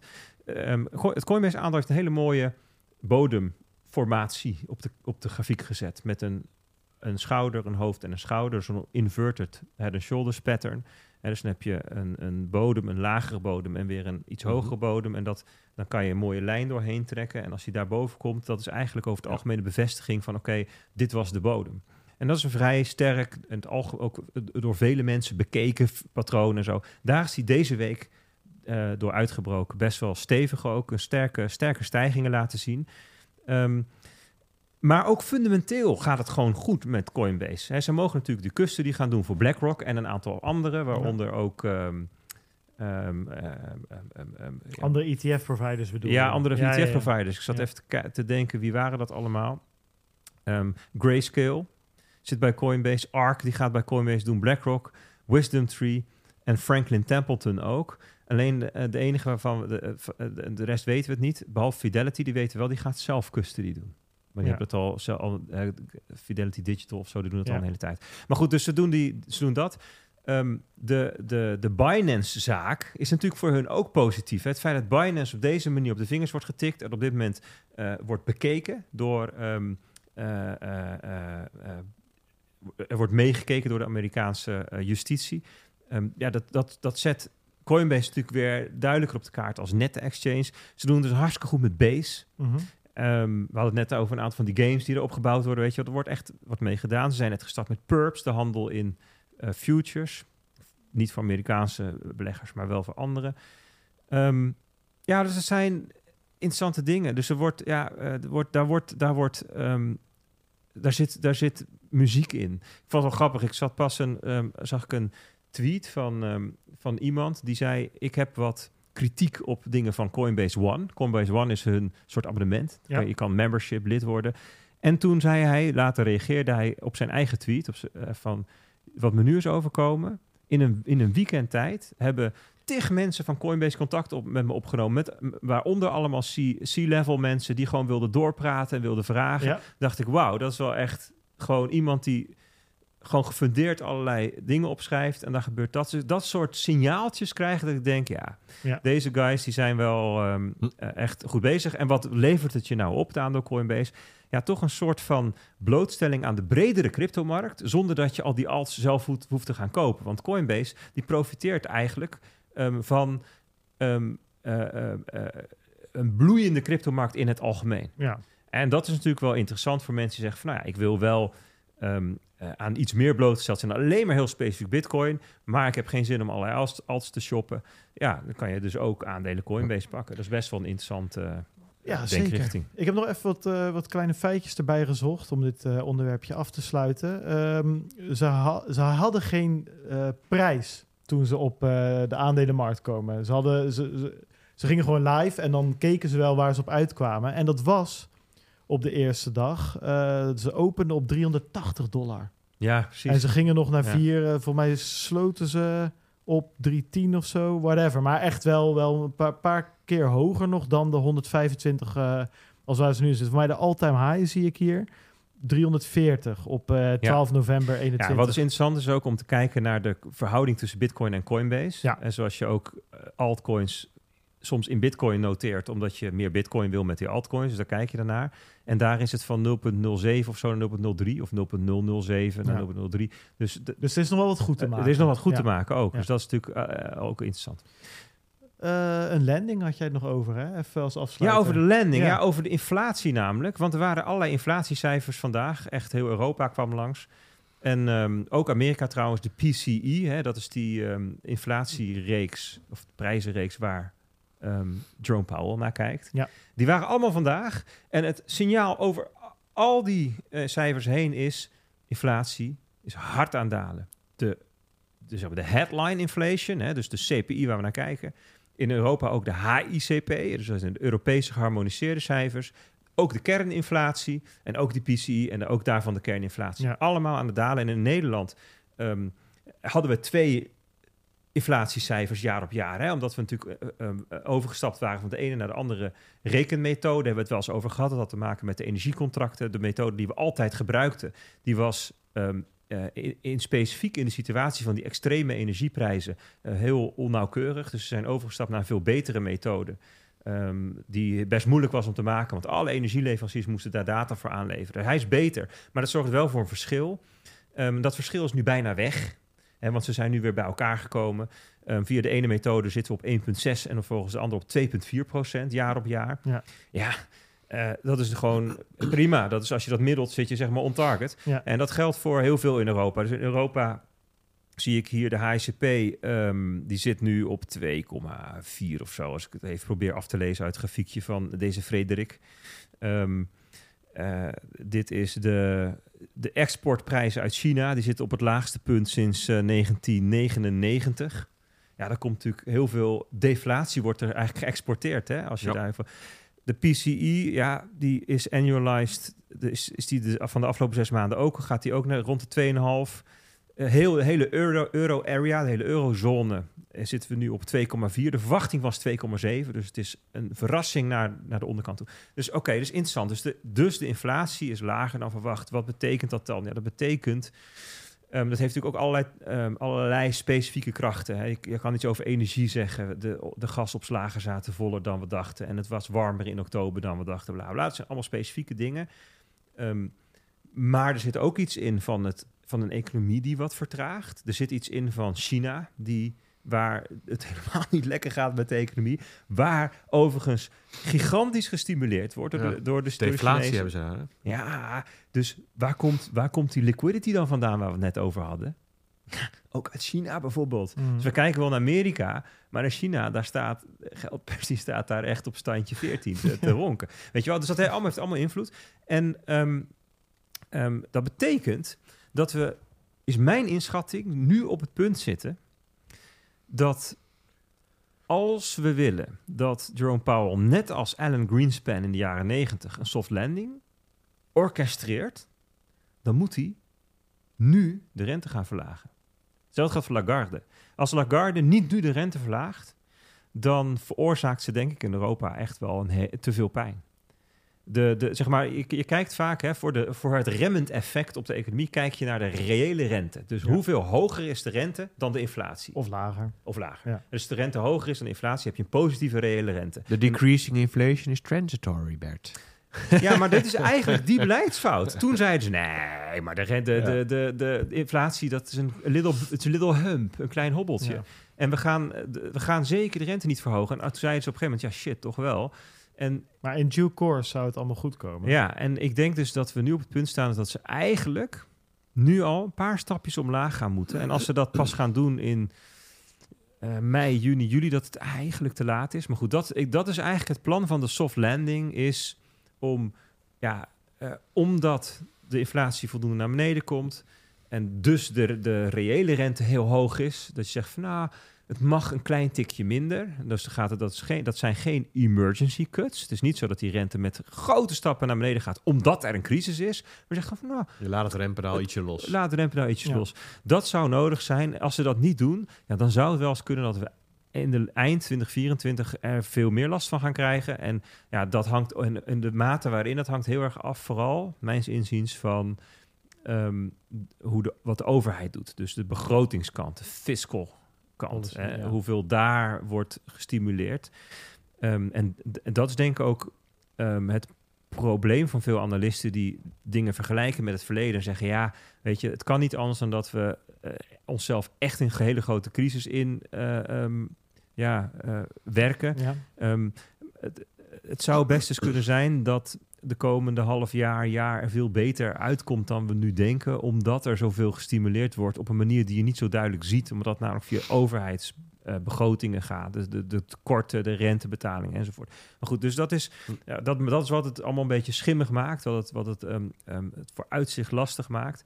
Ehm, maar goed, het is een belangrijk eh, datapunt, dus dat die, dat die inflatie nu zo naar beneden komt. Hey, eh, ja, dit zijn natuurlijk dingen waar je elke week uitgebreid over eh, schrijft in de alpha markets. Hè? Ja. Eh, die je ontvangt als je alpha bent. Hè? En dat kan door je in te schrijven op bitcoinalpha.nl. Maar dat weten natuurlijk de mensen, maar doe het wel. Weet je al wat er morgen... Heb je morgen al iets eh, in het notitieblok staan waarvan je denkt... nou, daar ga ik eens even mee aan de slag. Of is dat iets wat morgen na een goede kop thee zo op komt borrelen? Mooie koffie. Nou, ik heb wel een paar dingen langs zien komen van ik denk, hé, hey, daar moeten we even goed gaan uitzoeken. En ehm, als het blijkt dat het inderdaad boeiend is, dan komt het erin. En één zo- één zo'n ding is bijvoorbeeld de stablecoin supply. Dus hoeveel dollar is er in totaal aan stablecoins Ja. in omloop? Ehm, dat was sinds de top, ik geloof op 160 miljard, best nog wel aan het dalen de afgelopen eh, tijd. Mhm. Terwijl het, het, het transactievolume aan het toenemen was. Toen zeiden we nog tegen elkaar, dat betekent dus dat de omloopsnelheid omhoog gaat. Blijkbaar worden ze meer en intensiever gebruikt. Ja. Alleen ik heb het idee, ik zag daar wat dingetjes van langskomen, dat stablecoin supply weer aan het stijgen is. Dat Tether nu 88 miljard dollar heeft. Goeie dag, hé. Dus dan wil ik eens even uitzoeken dat zit. En dan gaan we dan eens... eh, wat Weet je wat, eh, als je dat toch gaat uitzoeken, we- ben ik heel benieuwd wat jij van het volgende vindt. Ik zat laatst eens, Tether heeft op de website zo'n transparency page waar je kan zien eh, waar alle Tethers zijn en whatever. En ik ben er inmiddels van overtuigd. Ik denk niet meer dat Tether een hele schimmige business is. Ze verdienen bakken met geld. Ik denk dat ze het allemaal wel rechtgetrokken hebben. Als ze ooit het schimmig ook- waren, wat ik wel denk dat ze waren, eerlijk gezegd. Ja.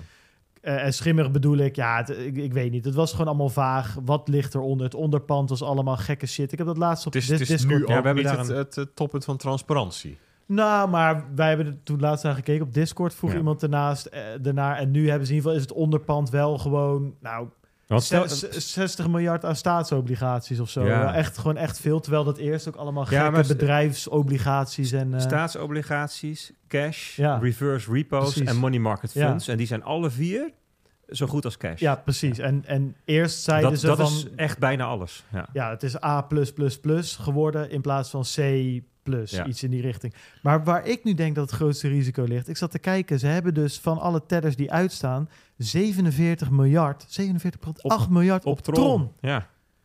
Dus volgens mij is het grootste risico inmiddels gewoon als Tron belly-up gaat, om wat voor reden dan ook, dat gewoon de helft van de tedders op dat netwerk ja, staan. dat zou wel Justin Zo- Sunde zijn. Ja, nee, maar zonder dolle. Ja. Ik bedoel, ik snap dat, dat het allemaal blijkbaar snel gaat op Tron en dat eh Maar wat zou, dan, laag wat zijn. zou het probleem zijn dan? Nou, stel dat je een soort Terra, Terra Luna-achtig scenario krijgt. Gewoon een blockchain die gewoon kapot is. Van de een op de andere dag. Ja. Ja, nou, dan heb je daar toch eh 47 miljoen van je tedders op staan. Ja, maar, die, maar die miljarden die liggen gewoon ergens in een kluis. Ja, dat is een goede. Ja, dus wat er dan aan de hand is, is dat er voor 47 miljard aan ehm, tokens... Een eh, bezitter gevonden moet worden. Ja, dus ik, ik kan dan aankomen bij Tether en zeggen... Hoi, ik ben Bert. Ik, Ja, heb, ik, had, eh, ik, had op, eh, ik had een miljoen aan Tether op Tron staan. Kijk maar, dit is mijn adres. En ik heb hier de private key om het te bewijzen. En dan kan je het gewoon krijgen. Nou, Nou, ik ben het, wel Dus met, ik ben het met je eens Maar het is rommelig. dat een lelijke situatie zou zijn, Ja. hoor. Alleen, Ja, maar je, je hebt, dat is een goed punt. het is, het is Het, niet, dat het, niet dat het geld... Nee, kwijt het is is. echt heel anders dan de Luna-situatie. Omdat daar gewoon het geld... Het onderpand was de Luna-tokens. Die waren gewoon Maar- nul waard. Maar dat vind ik nog wel een kanttekening bij Tether. Ik bedoel, inderdaad, ten opzichte van een paar jaar geleden is, het, is er meer te zien. Ja. Maar het blijft natuurlijk relatief obscuur. Niet echt een hoofdkantoor, niet een jaarrekening. Die Wel ge- een nieuwe CEO.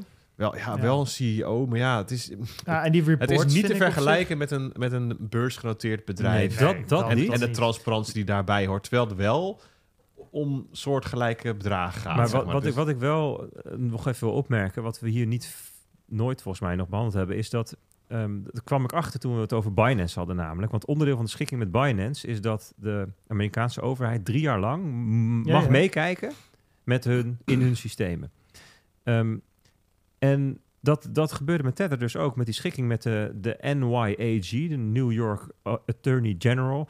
Onderdeel van hun schikking in 2021 was ook dat zij twee jaar lang mochten meekijken. Dat hebben ze ook twee jaar gedaan. Dat is ook, als je terugkijkt in de tijd, precies het moment dat ze zich gingen gedragen. Ja, dat die- ze dat- dat die die ter reports versie komen. kwamen en dat je- Ja. Eh, kwartaal op kwartaal de, de, de, het onderpand van kwaliteit zag stijgen. Maar dat, ik kan me dus niet voorstellen dat de Amerikaanse overheid zich om de tuin laat leiden met ehm, bullshit rapportages. Dat zijn gewoon, als ik hun was, zou ik daar gewoon hele serieuze Ja, mensen op zitten en- die, die geen genoegen nemen met een fortje. En dan die auditor erbij. Ik bedoel, dat Ja. is weer een Italiaans. eh, dit is voor mij BDO eh, Italia die klopt, dat doet. Dus dat is ook weer... dus ik, ik, ik, ik, ik vond dat wel een argument. Ik dacht, hmm, dat is wel een punt. Dat, dat ja. maar ik vind het wel gortig dat ze hun lot zo verbinden aan, aan Tron. Ehm, en, en ik snap het vanuit een, vanuit een standpunt dat het snel is en dat veel mensen het Het gebruiken. willen, ja, ja, maar dus- het, eh, eh, Het ja. wordt gebruikt. Dat is het. Ja, ja, dat is, Ja. dat is prima. Maar het is ja, het, eh, het, het- ik, ik vond dat een interessant datapunt waar ik eigenlijk nog nooit echt over na had gedacht. Ja, zeker. Waar ik, die ik best kan verklaren, maar wat wel, ja, ik vond het ook. Nou. Hey, eh, zullen we nog een paar nieuwtjes doen? Eh Stijn, op hoeveel zitten we? Eh, ik zie daar... Recht voor je neus, ja, 1,32. 1,32, maar dat is de... Ja, nou, dan kunnen we nog wel even wat, wat, eh, wat oppakken. We hebben die bitcoin met, op winst hebben we gehad. Ehm eens even kijken hoor. Ja, wat, wat, wat, ik moet zeggen, ik vond het een lastig weekje qua nieuws. Ik heb me vermaakt, maar niet zozeer met, met de nieuwtjes die ik Maar ja, voor, voor Nederlanders relevant vond ik in de afgelopen anderhalve week in ieder geval de sluiting van Bittrex. Als je dat niet hebt Ja, meegekregen, waar. Bittrex die eh, gaat dicht. Die stopt met bestaan. Die heft zichzelf op. Ehm, ik denk onder andere vanwege de, de zaak die ze in de VS aan de broek kregen. Ehm, we hebben zoiets van, jongens, we hebben ons werk gedaan. Het is mooi geweest zo. Ben gehandeld op Bittrex? Ik heb er wel een account. Maar mijn account was al leeg. Ja, die van mij ook. Maar, maar ik, ik heb daar wel... eh, ik, Maar ik ben daar, het is niet, het is niet mijn, eh, zeg maar, de, de, de, het eerste platform waar. Die, er zijn ook mensen die hebben hun, hun crypto-reis starten op ja, dat Bittrex. was Dus, voor, mij wel zo, ja. dus, Ja, dus ik- voor ik- hen is het een iets. eh, Ik zag een grafiekje van eh Kaiko langskomen. En Mhm. in 2018 is er dus een punt geweest dat ze 25% van het handelsvolume hadden. Ja, maar dat was ook zo. Er was een, een, een periode... Toen- Toen ik begon, eh, had je Poloniex en eh, whatever. Ja. En eh, nog wat andere gekkigheid. En toen kwam op een gegeven moment kwam Bittrex omhoog. Want dat was eigenlijk een van de eerste die ICO's en, en andere altcoins begon te listen nadat die op de markt waren gekomen. Klopt. En mensen wilden dat natuurlijk gebruiken omdat, ja, omdat Kon ze die, die, coins willen, willen verko- verkopen. En het grappige is dat Bittrex eigenlijk die positie is kwijtgeraakt aan Binance Omdat die gewoon nog agressiever, nog sneller coins begonnen te listen. Dus, eh, en ja, dus Bittrex heeft inderdaad, dus ik denk dat het vier Ja. maanden was, hebben ze een soort van eh, koploperpositie gehad. Iedereen zat daar. En daarna is dat gewoon eh, eigenlijk allemaal bij Binance Kijk, in Binance handen die was zelf een ICO, hè? Dus, dus, Ja, klopt. dus zij hadden en het momentum van het zijn van een ICO... en daarna ook nog het, het ingebed zijn van allerlei monetaire, ja, hoe zeg je dat, geldelijke stimuli... om ook nog weer deel te nemen en klant te zijn van Binance. Ja. Middels het eigen... En, en dat is een fase die Bittrex nooit heeft meegemaakt, want Nee, die bestond maar- daarvoor al. Ja, maar het was bijvoorbeeld, ik kan me nog heel goed herinneren, dat was voor mij de, de eh, je had toen Ant Shares en dat werd Neo. En Neo was een van de eerste munten die een soort van eh, dividend uit ging keren in de vorm van gas, volgens mij eh, heette dat, iets in die richting. En waar Bittrex, daar kon je wel Neo verhandelen, dus daarvoor gingen heel veel mensen daarheen. En toen kwam Binance en die zei, weet je wat wij gaan doen? Bij ons krijg je ook gas. En dat is eigenlijk een van de eerste keren dat Binance zo, zoiets deed. En dat bleven ze maar doen. Zij waren altijd mee aan het denken, wat wil onze klant? Oh, nou, deze coin die biedt staking aan. Hop, bieden wij het ook aan. En die andere bedrijven, ja, die, die waren gewoon te laat. Weet je, bij Binance kon je...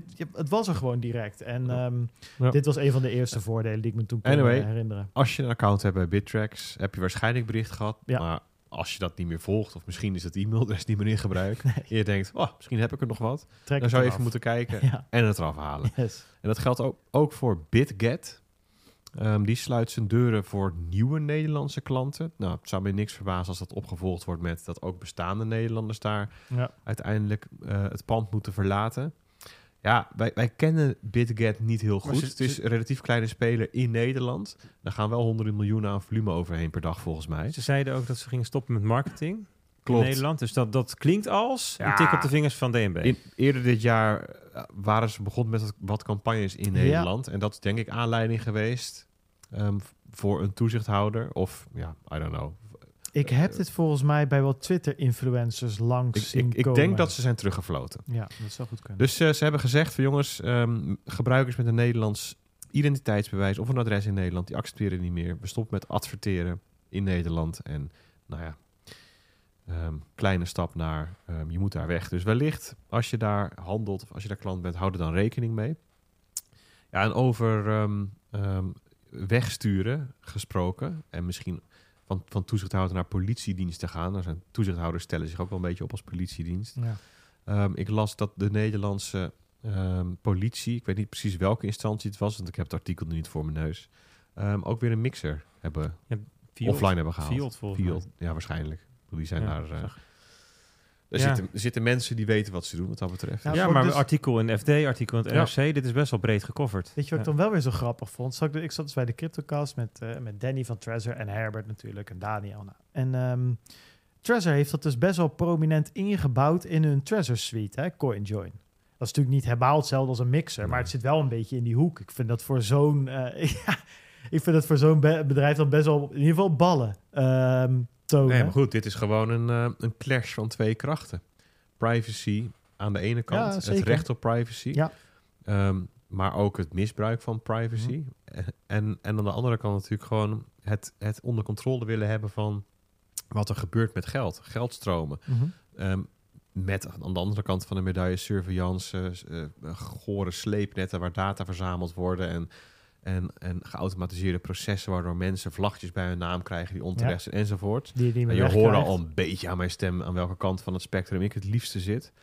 Ehm, ja, en dat, is, dat, wordt, dat eh, blijft een aanhoudende strijd. Ja. Hè, de, de privacy coins, die zie je al langzaamaan gewoon Europa uit Ja, verdwijnen. die mogen niet meer met Mika ook. hè? Nee, precies. Dus dan wordt daar een streep doorgezet. Nou, dan krijg je ongetwijfeld nog de vraag... Ja, wanneer is iets wel, wanneer is niet, iets niet een privacy coin? Ik weet niet hoe specifiek dat omschreven staat.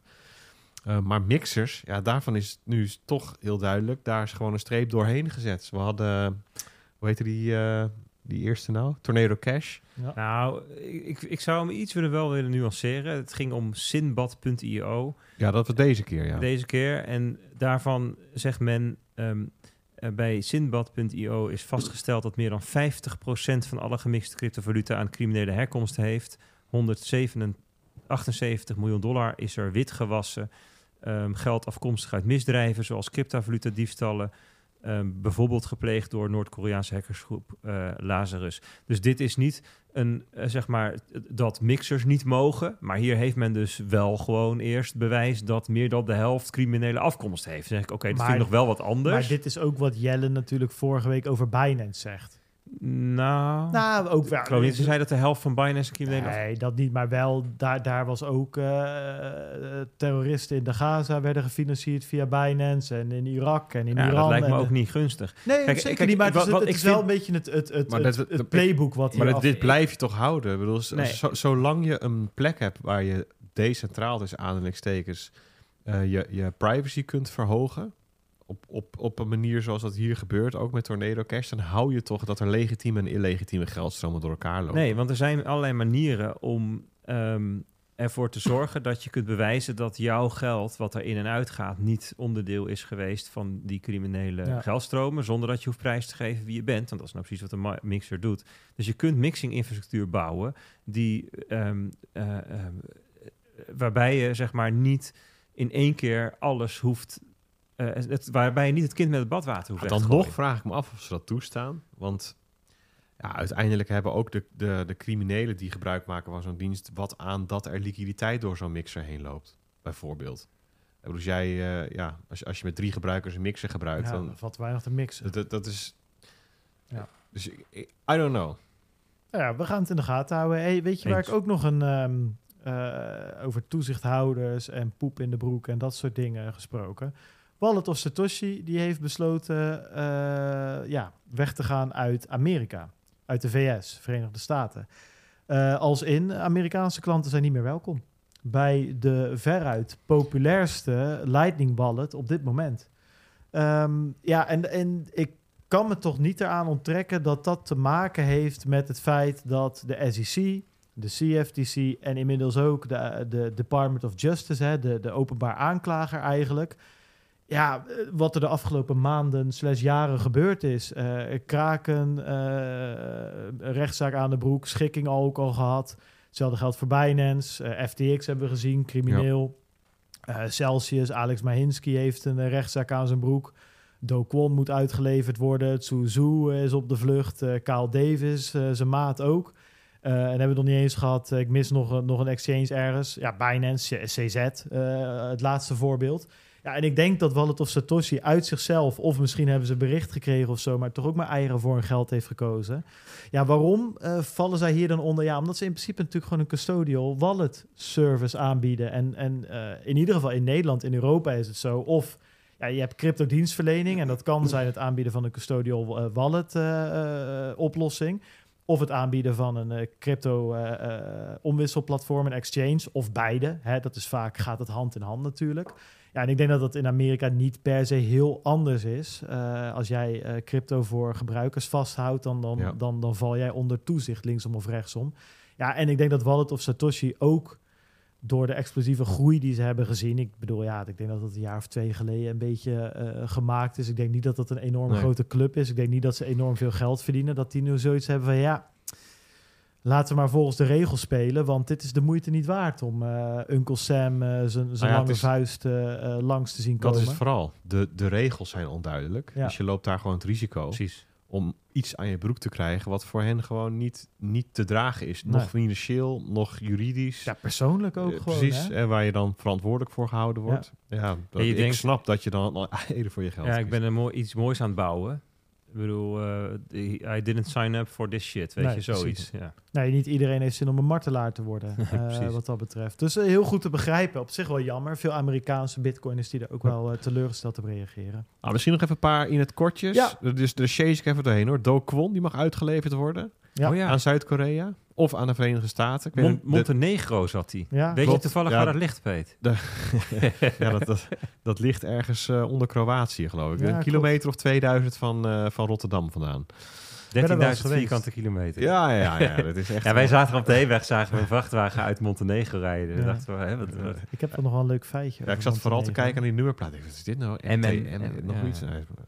Ehm, nou, ehm, ja, dat, dat de, de beslissing waar je naartoe gaat, dat ligt bij de eh, minister van Justitie van Montenegro. Dus dat, daar horen we later Die heeft een soort van. gewoon heel groot rad van fortuin met allemaal landen erop. En dat die trrr, Ja, dat degene zoiets. die wint, die mag hem hebben. Nou, het is wel lachen dat die, die Montenegrijn, die, die minister, mag dus beslissen eh, of hij naar Zuid-Korea of Ja. naar Amerika gaat. Wat toch best twee wel Ja. molochen van landen Klopt. zijn. Nou, Want de rechter heeft alleen maar gezegd, ja, hij mag uitgeleverd. de hoogste precies. bieder. ja, waarschijnlijk, ja, ik denk het wel. Eenmaal, andermaal. En, en dat snap ik ook wel, want het is best wel een politieke keuze natuurlijk. Ah, nee, daarom. Daarom. ja, dus dat is logisch dat het bij, eh, dan bij de politiek gelegd wordt.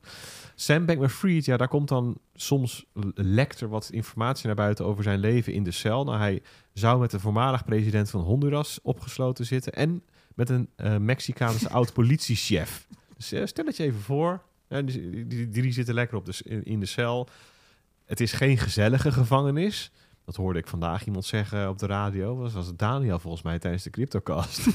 Het is geen gezellige gevaar. Oh ja, dat, Nee, dat nee. ging erover dat CZ Ja. die ging naar een... Een eh, gezellige. Een Ja, gezellig, ja. ja, gezellig. Ik dacht even, wat is dat dan? Ja, Ja, kan je een dat- beetje zitten kaarten of Spelen zo. ze te, Ja, zitten ja. te bridge de hele dag. Ja.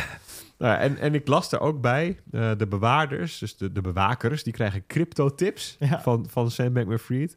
Hij mag één keer per week bezoek ontvangen en hij beschikt dan in een aparte ruimte over een laptop om processtukken in te zien.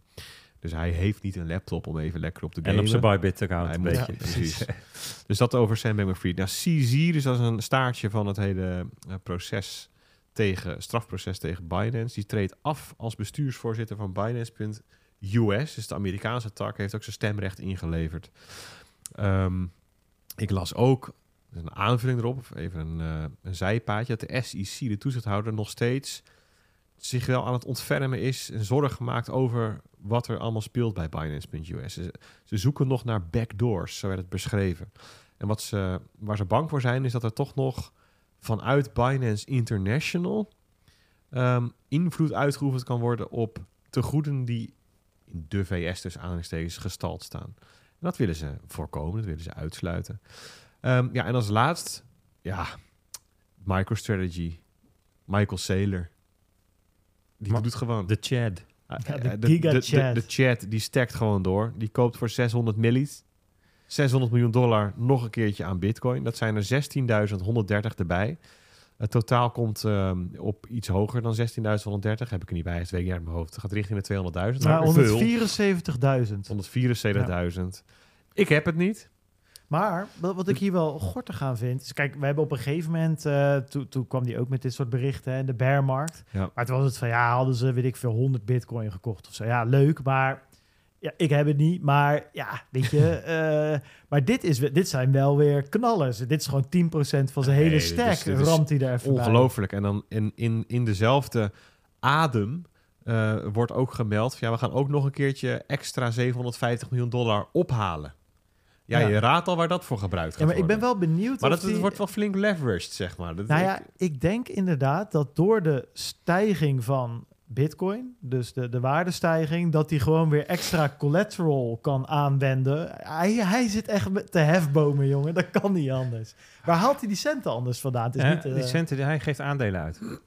dat is wat ja, hij doet. ja, dus hij geeft nieuwe aandelen uit. Dat, ehm, ehm, en het aardige is dat men volgt ook hoeveel bitcoin is er nou per aandeel. Dus, hè, maar het dus zijn niet alleen maar aandelen. Het zijn soms ook promissory notes dat, die dat heeft in het verleden worden. volgens mij gedaan. Ja, ik weet niet. Is het, zijn het nu aandelen? Dacht die, ik. die 750 miljoen? Nou, ik, ik, hoop het, want als hij maar die notes blijft uitschrijven, dan gaat het een keer goed mis. Ja. Dat, eh, Ja, het is wel heerlijk hoor. Het is, het is toch een, het is een experiment, jongen. Als dit... Ik zou graag in de simulatie... Ik bedoel, ik bedoel... Mijn, Je zou eigenlijk even willen eh, vooruit willen kijken. ja, dat sowieso. Maar ik, ik hoop dat ik in een simulatie leef waar we uiteindelijk met het probleem moeten dealen dat Michael Saylor gewoon echt by far de rijkste vent op aarde is. Want dit gaat natuurlijk, zeg maar, als Samson Mouw ook maar een beetje gelijk krijgt, dan ga je natuurlijk, dat, dat, dit slaat nergens op. Voor mij is dat, ik had laatst een beetje zitten rekenen, hij is nu op een punt dat als we naar ja, redelijk conservatieve schattingen van Bitcoin 200, 300.000, weet ik veel, een beetje dat soort dingen, niet eens hele gekke, outlandish eh, eh, vooruitzichten. Maar dan komt hij gewoon op een punt dat, hij, eh, dat het qua Bitcoin-waarde, dat hij dus evenveel heeft als dat Apple qua cash in de kas heeft liggen. En dat is, dat is echt één, dat is, voor mij heeft er geen één bedrijf meer geld in, in cash liggen dan Apple, weet je wel. Ja, misschien nog een paar van die andere techreuzen. Maar dat betekent dat een MicroStrategy wat helemaal natuurlijk voor de rest niet zo'n super boeiend bedrijf is. Gewoon qua treasury opeens zich gaat meten met, met, het, met de grootste bedrijven ter wereld. Laat staan dat als we een keer naar een miljoen per bitcoin Ja, gaan. ik ben wel benieuwd zo. wat eh, de lancering van spot ETF's voor effect heeft op zijn eh, playbook. Ja, ja. Het, is, eh, ja, het is grappig. Het is zo'n extreem experiment. Ehm, ja, mooi. Maar dat was hem wel, denk ik. Was hem inderdaad. Jongens, thanks. Ehm, ja, goede poll. Die bedenk ik er straks zelf wel bij. Jullie zullen wel zien wat dat eh, gaat worden. Ga ik het volgende week gaan we Maar wel hebben. invullen. Ik wil, eh, ja, het moeten toch wel eh, meer dan 150 stemmen kunnen. kunnen. Ja, misschien, Verzamelen. weer, misschien iets weer iets rondom hardware wallets of zo. Dat ging de volgende keer. Ik ga eens even over nadenken. Komen we uit. Bestaat Michael Saylor over drie jaar nog op deze manier? Of, of is, het, is dat playbook, zeg maar, Kunnen we iets met Michael in stand gebleven? Of, of zit Michael Saylor ergens in een gevangenis? Ik, ga- we, we gaan, we, die gaan we straks even uitwerken. We werken hem zo uit. Ik zag net meer dan 100 viewers voor de live show. ja, dat Nu- gaat nu de goede kant net op. weer- Maar dat betekent dat we in een boelmarkt zitten. Ja, we gaan weer omhoog. We begonnen van, vanavond eventjes rustig met 40, maar er zijn er heel wat bijgekomen. Dat is wel dus dat eh, is wel leuk. Ehm, allemaal dank voor het luisteren. Bert, thanks. en subscriben. Peet, thanks. Stijn, ook. thanks jongen. Je hebt echt Ja, eh, je hard gewerkt. tegen, je hebt Ja, keihard gewerkt. 84 kabels geprobeerd. Je bent je Nog geld dubbel en dwars waard. Eh, Zijn internetverbinding haperde nog internetverbinding- tussendoor. Ja, die zag ik ook. Die viel er ook nog even uit, inderdaad. Ja, het is echt dit is, eh, stressvol. Ik hoop dat volgende keer Want jongens, stalen zenuwen. de livestream goden je beter gezind zijn. Maar ja, dat is altijd even afwachten. Dank voor het luisteren. Like, subscribe. Je kent het allemaal wel. Laat een hartje achter en dat soort geintjes. Kom er gezellig bij op bitcoinalpha.nl eh, slash discord. Kom je in de, in de discord server terecht. Kan je vragen stellen. Kan je meechatten. Super gezellig. Hartstikke leuk. En ehm, ja, dan zien we elkaar volgende week gewoon weer terug. Thanks. Later. Hoi.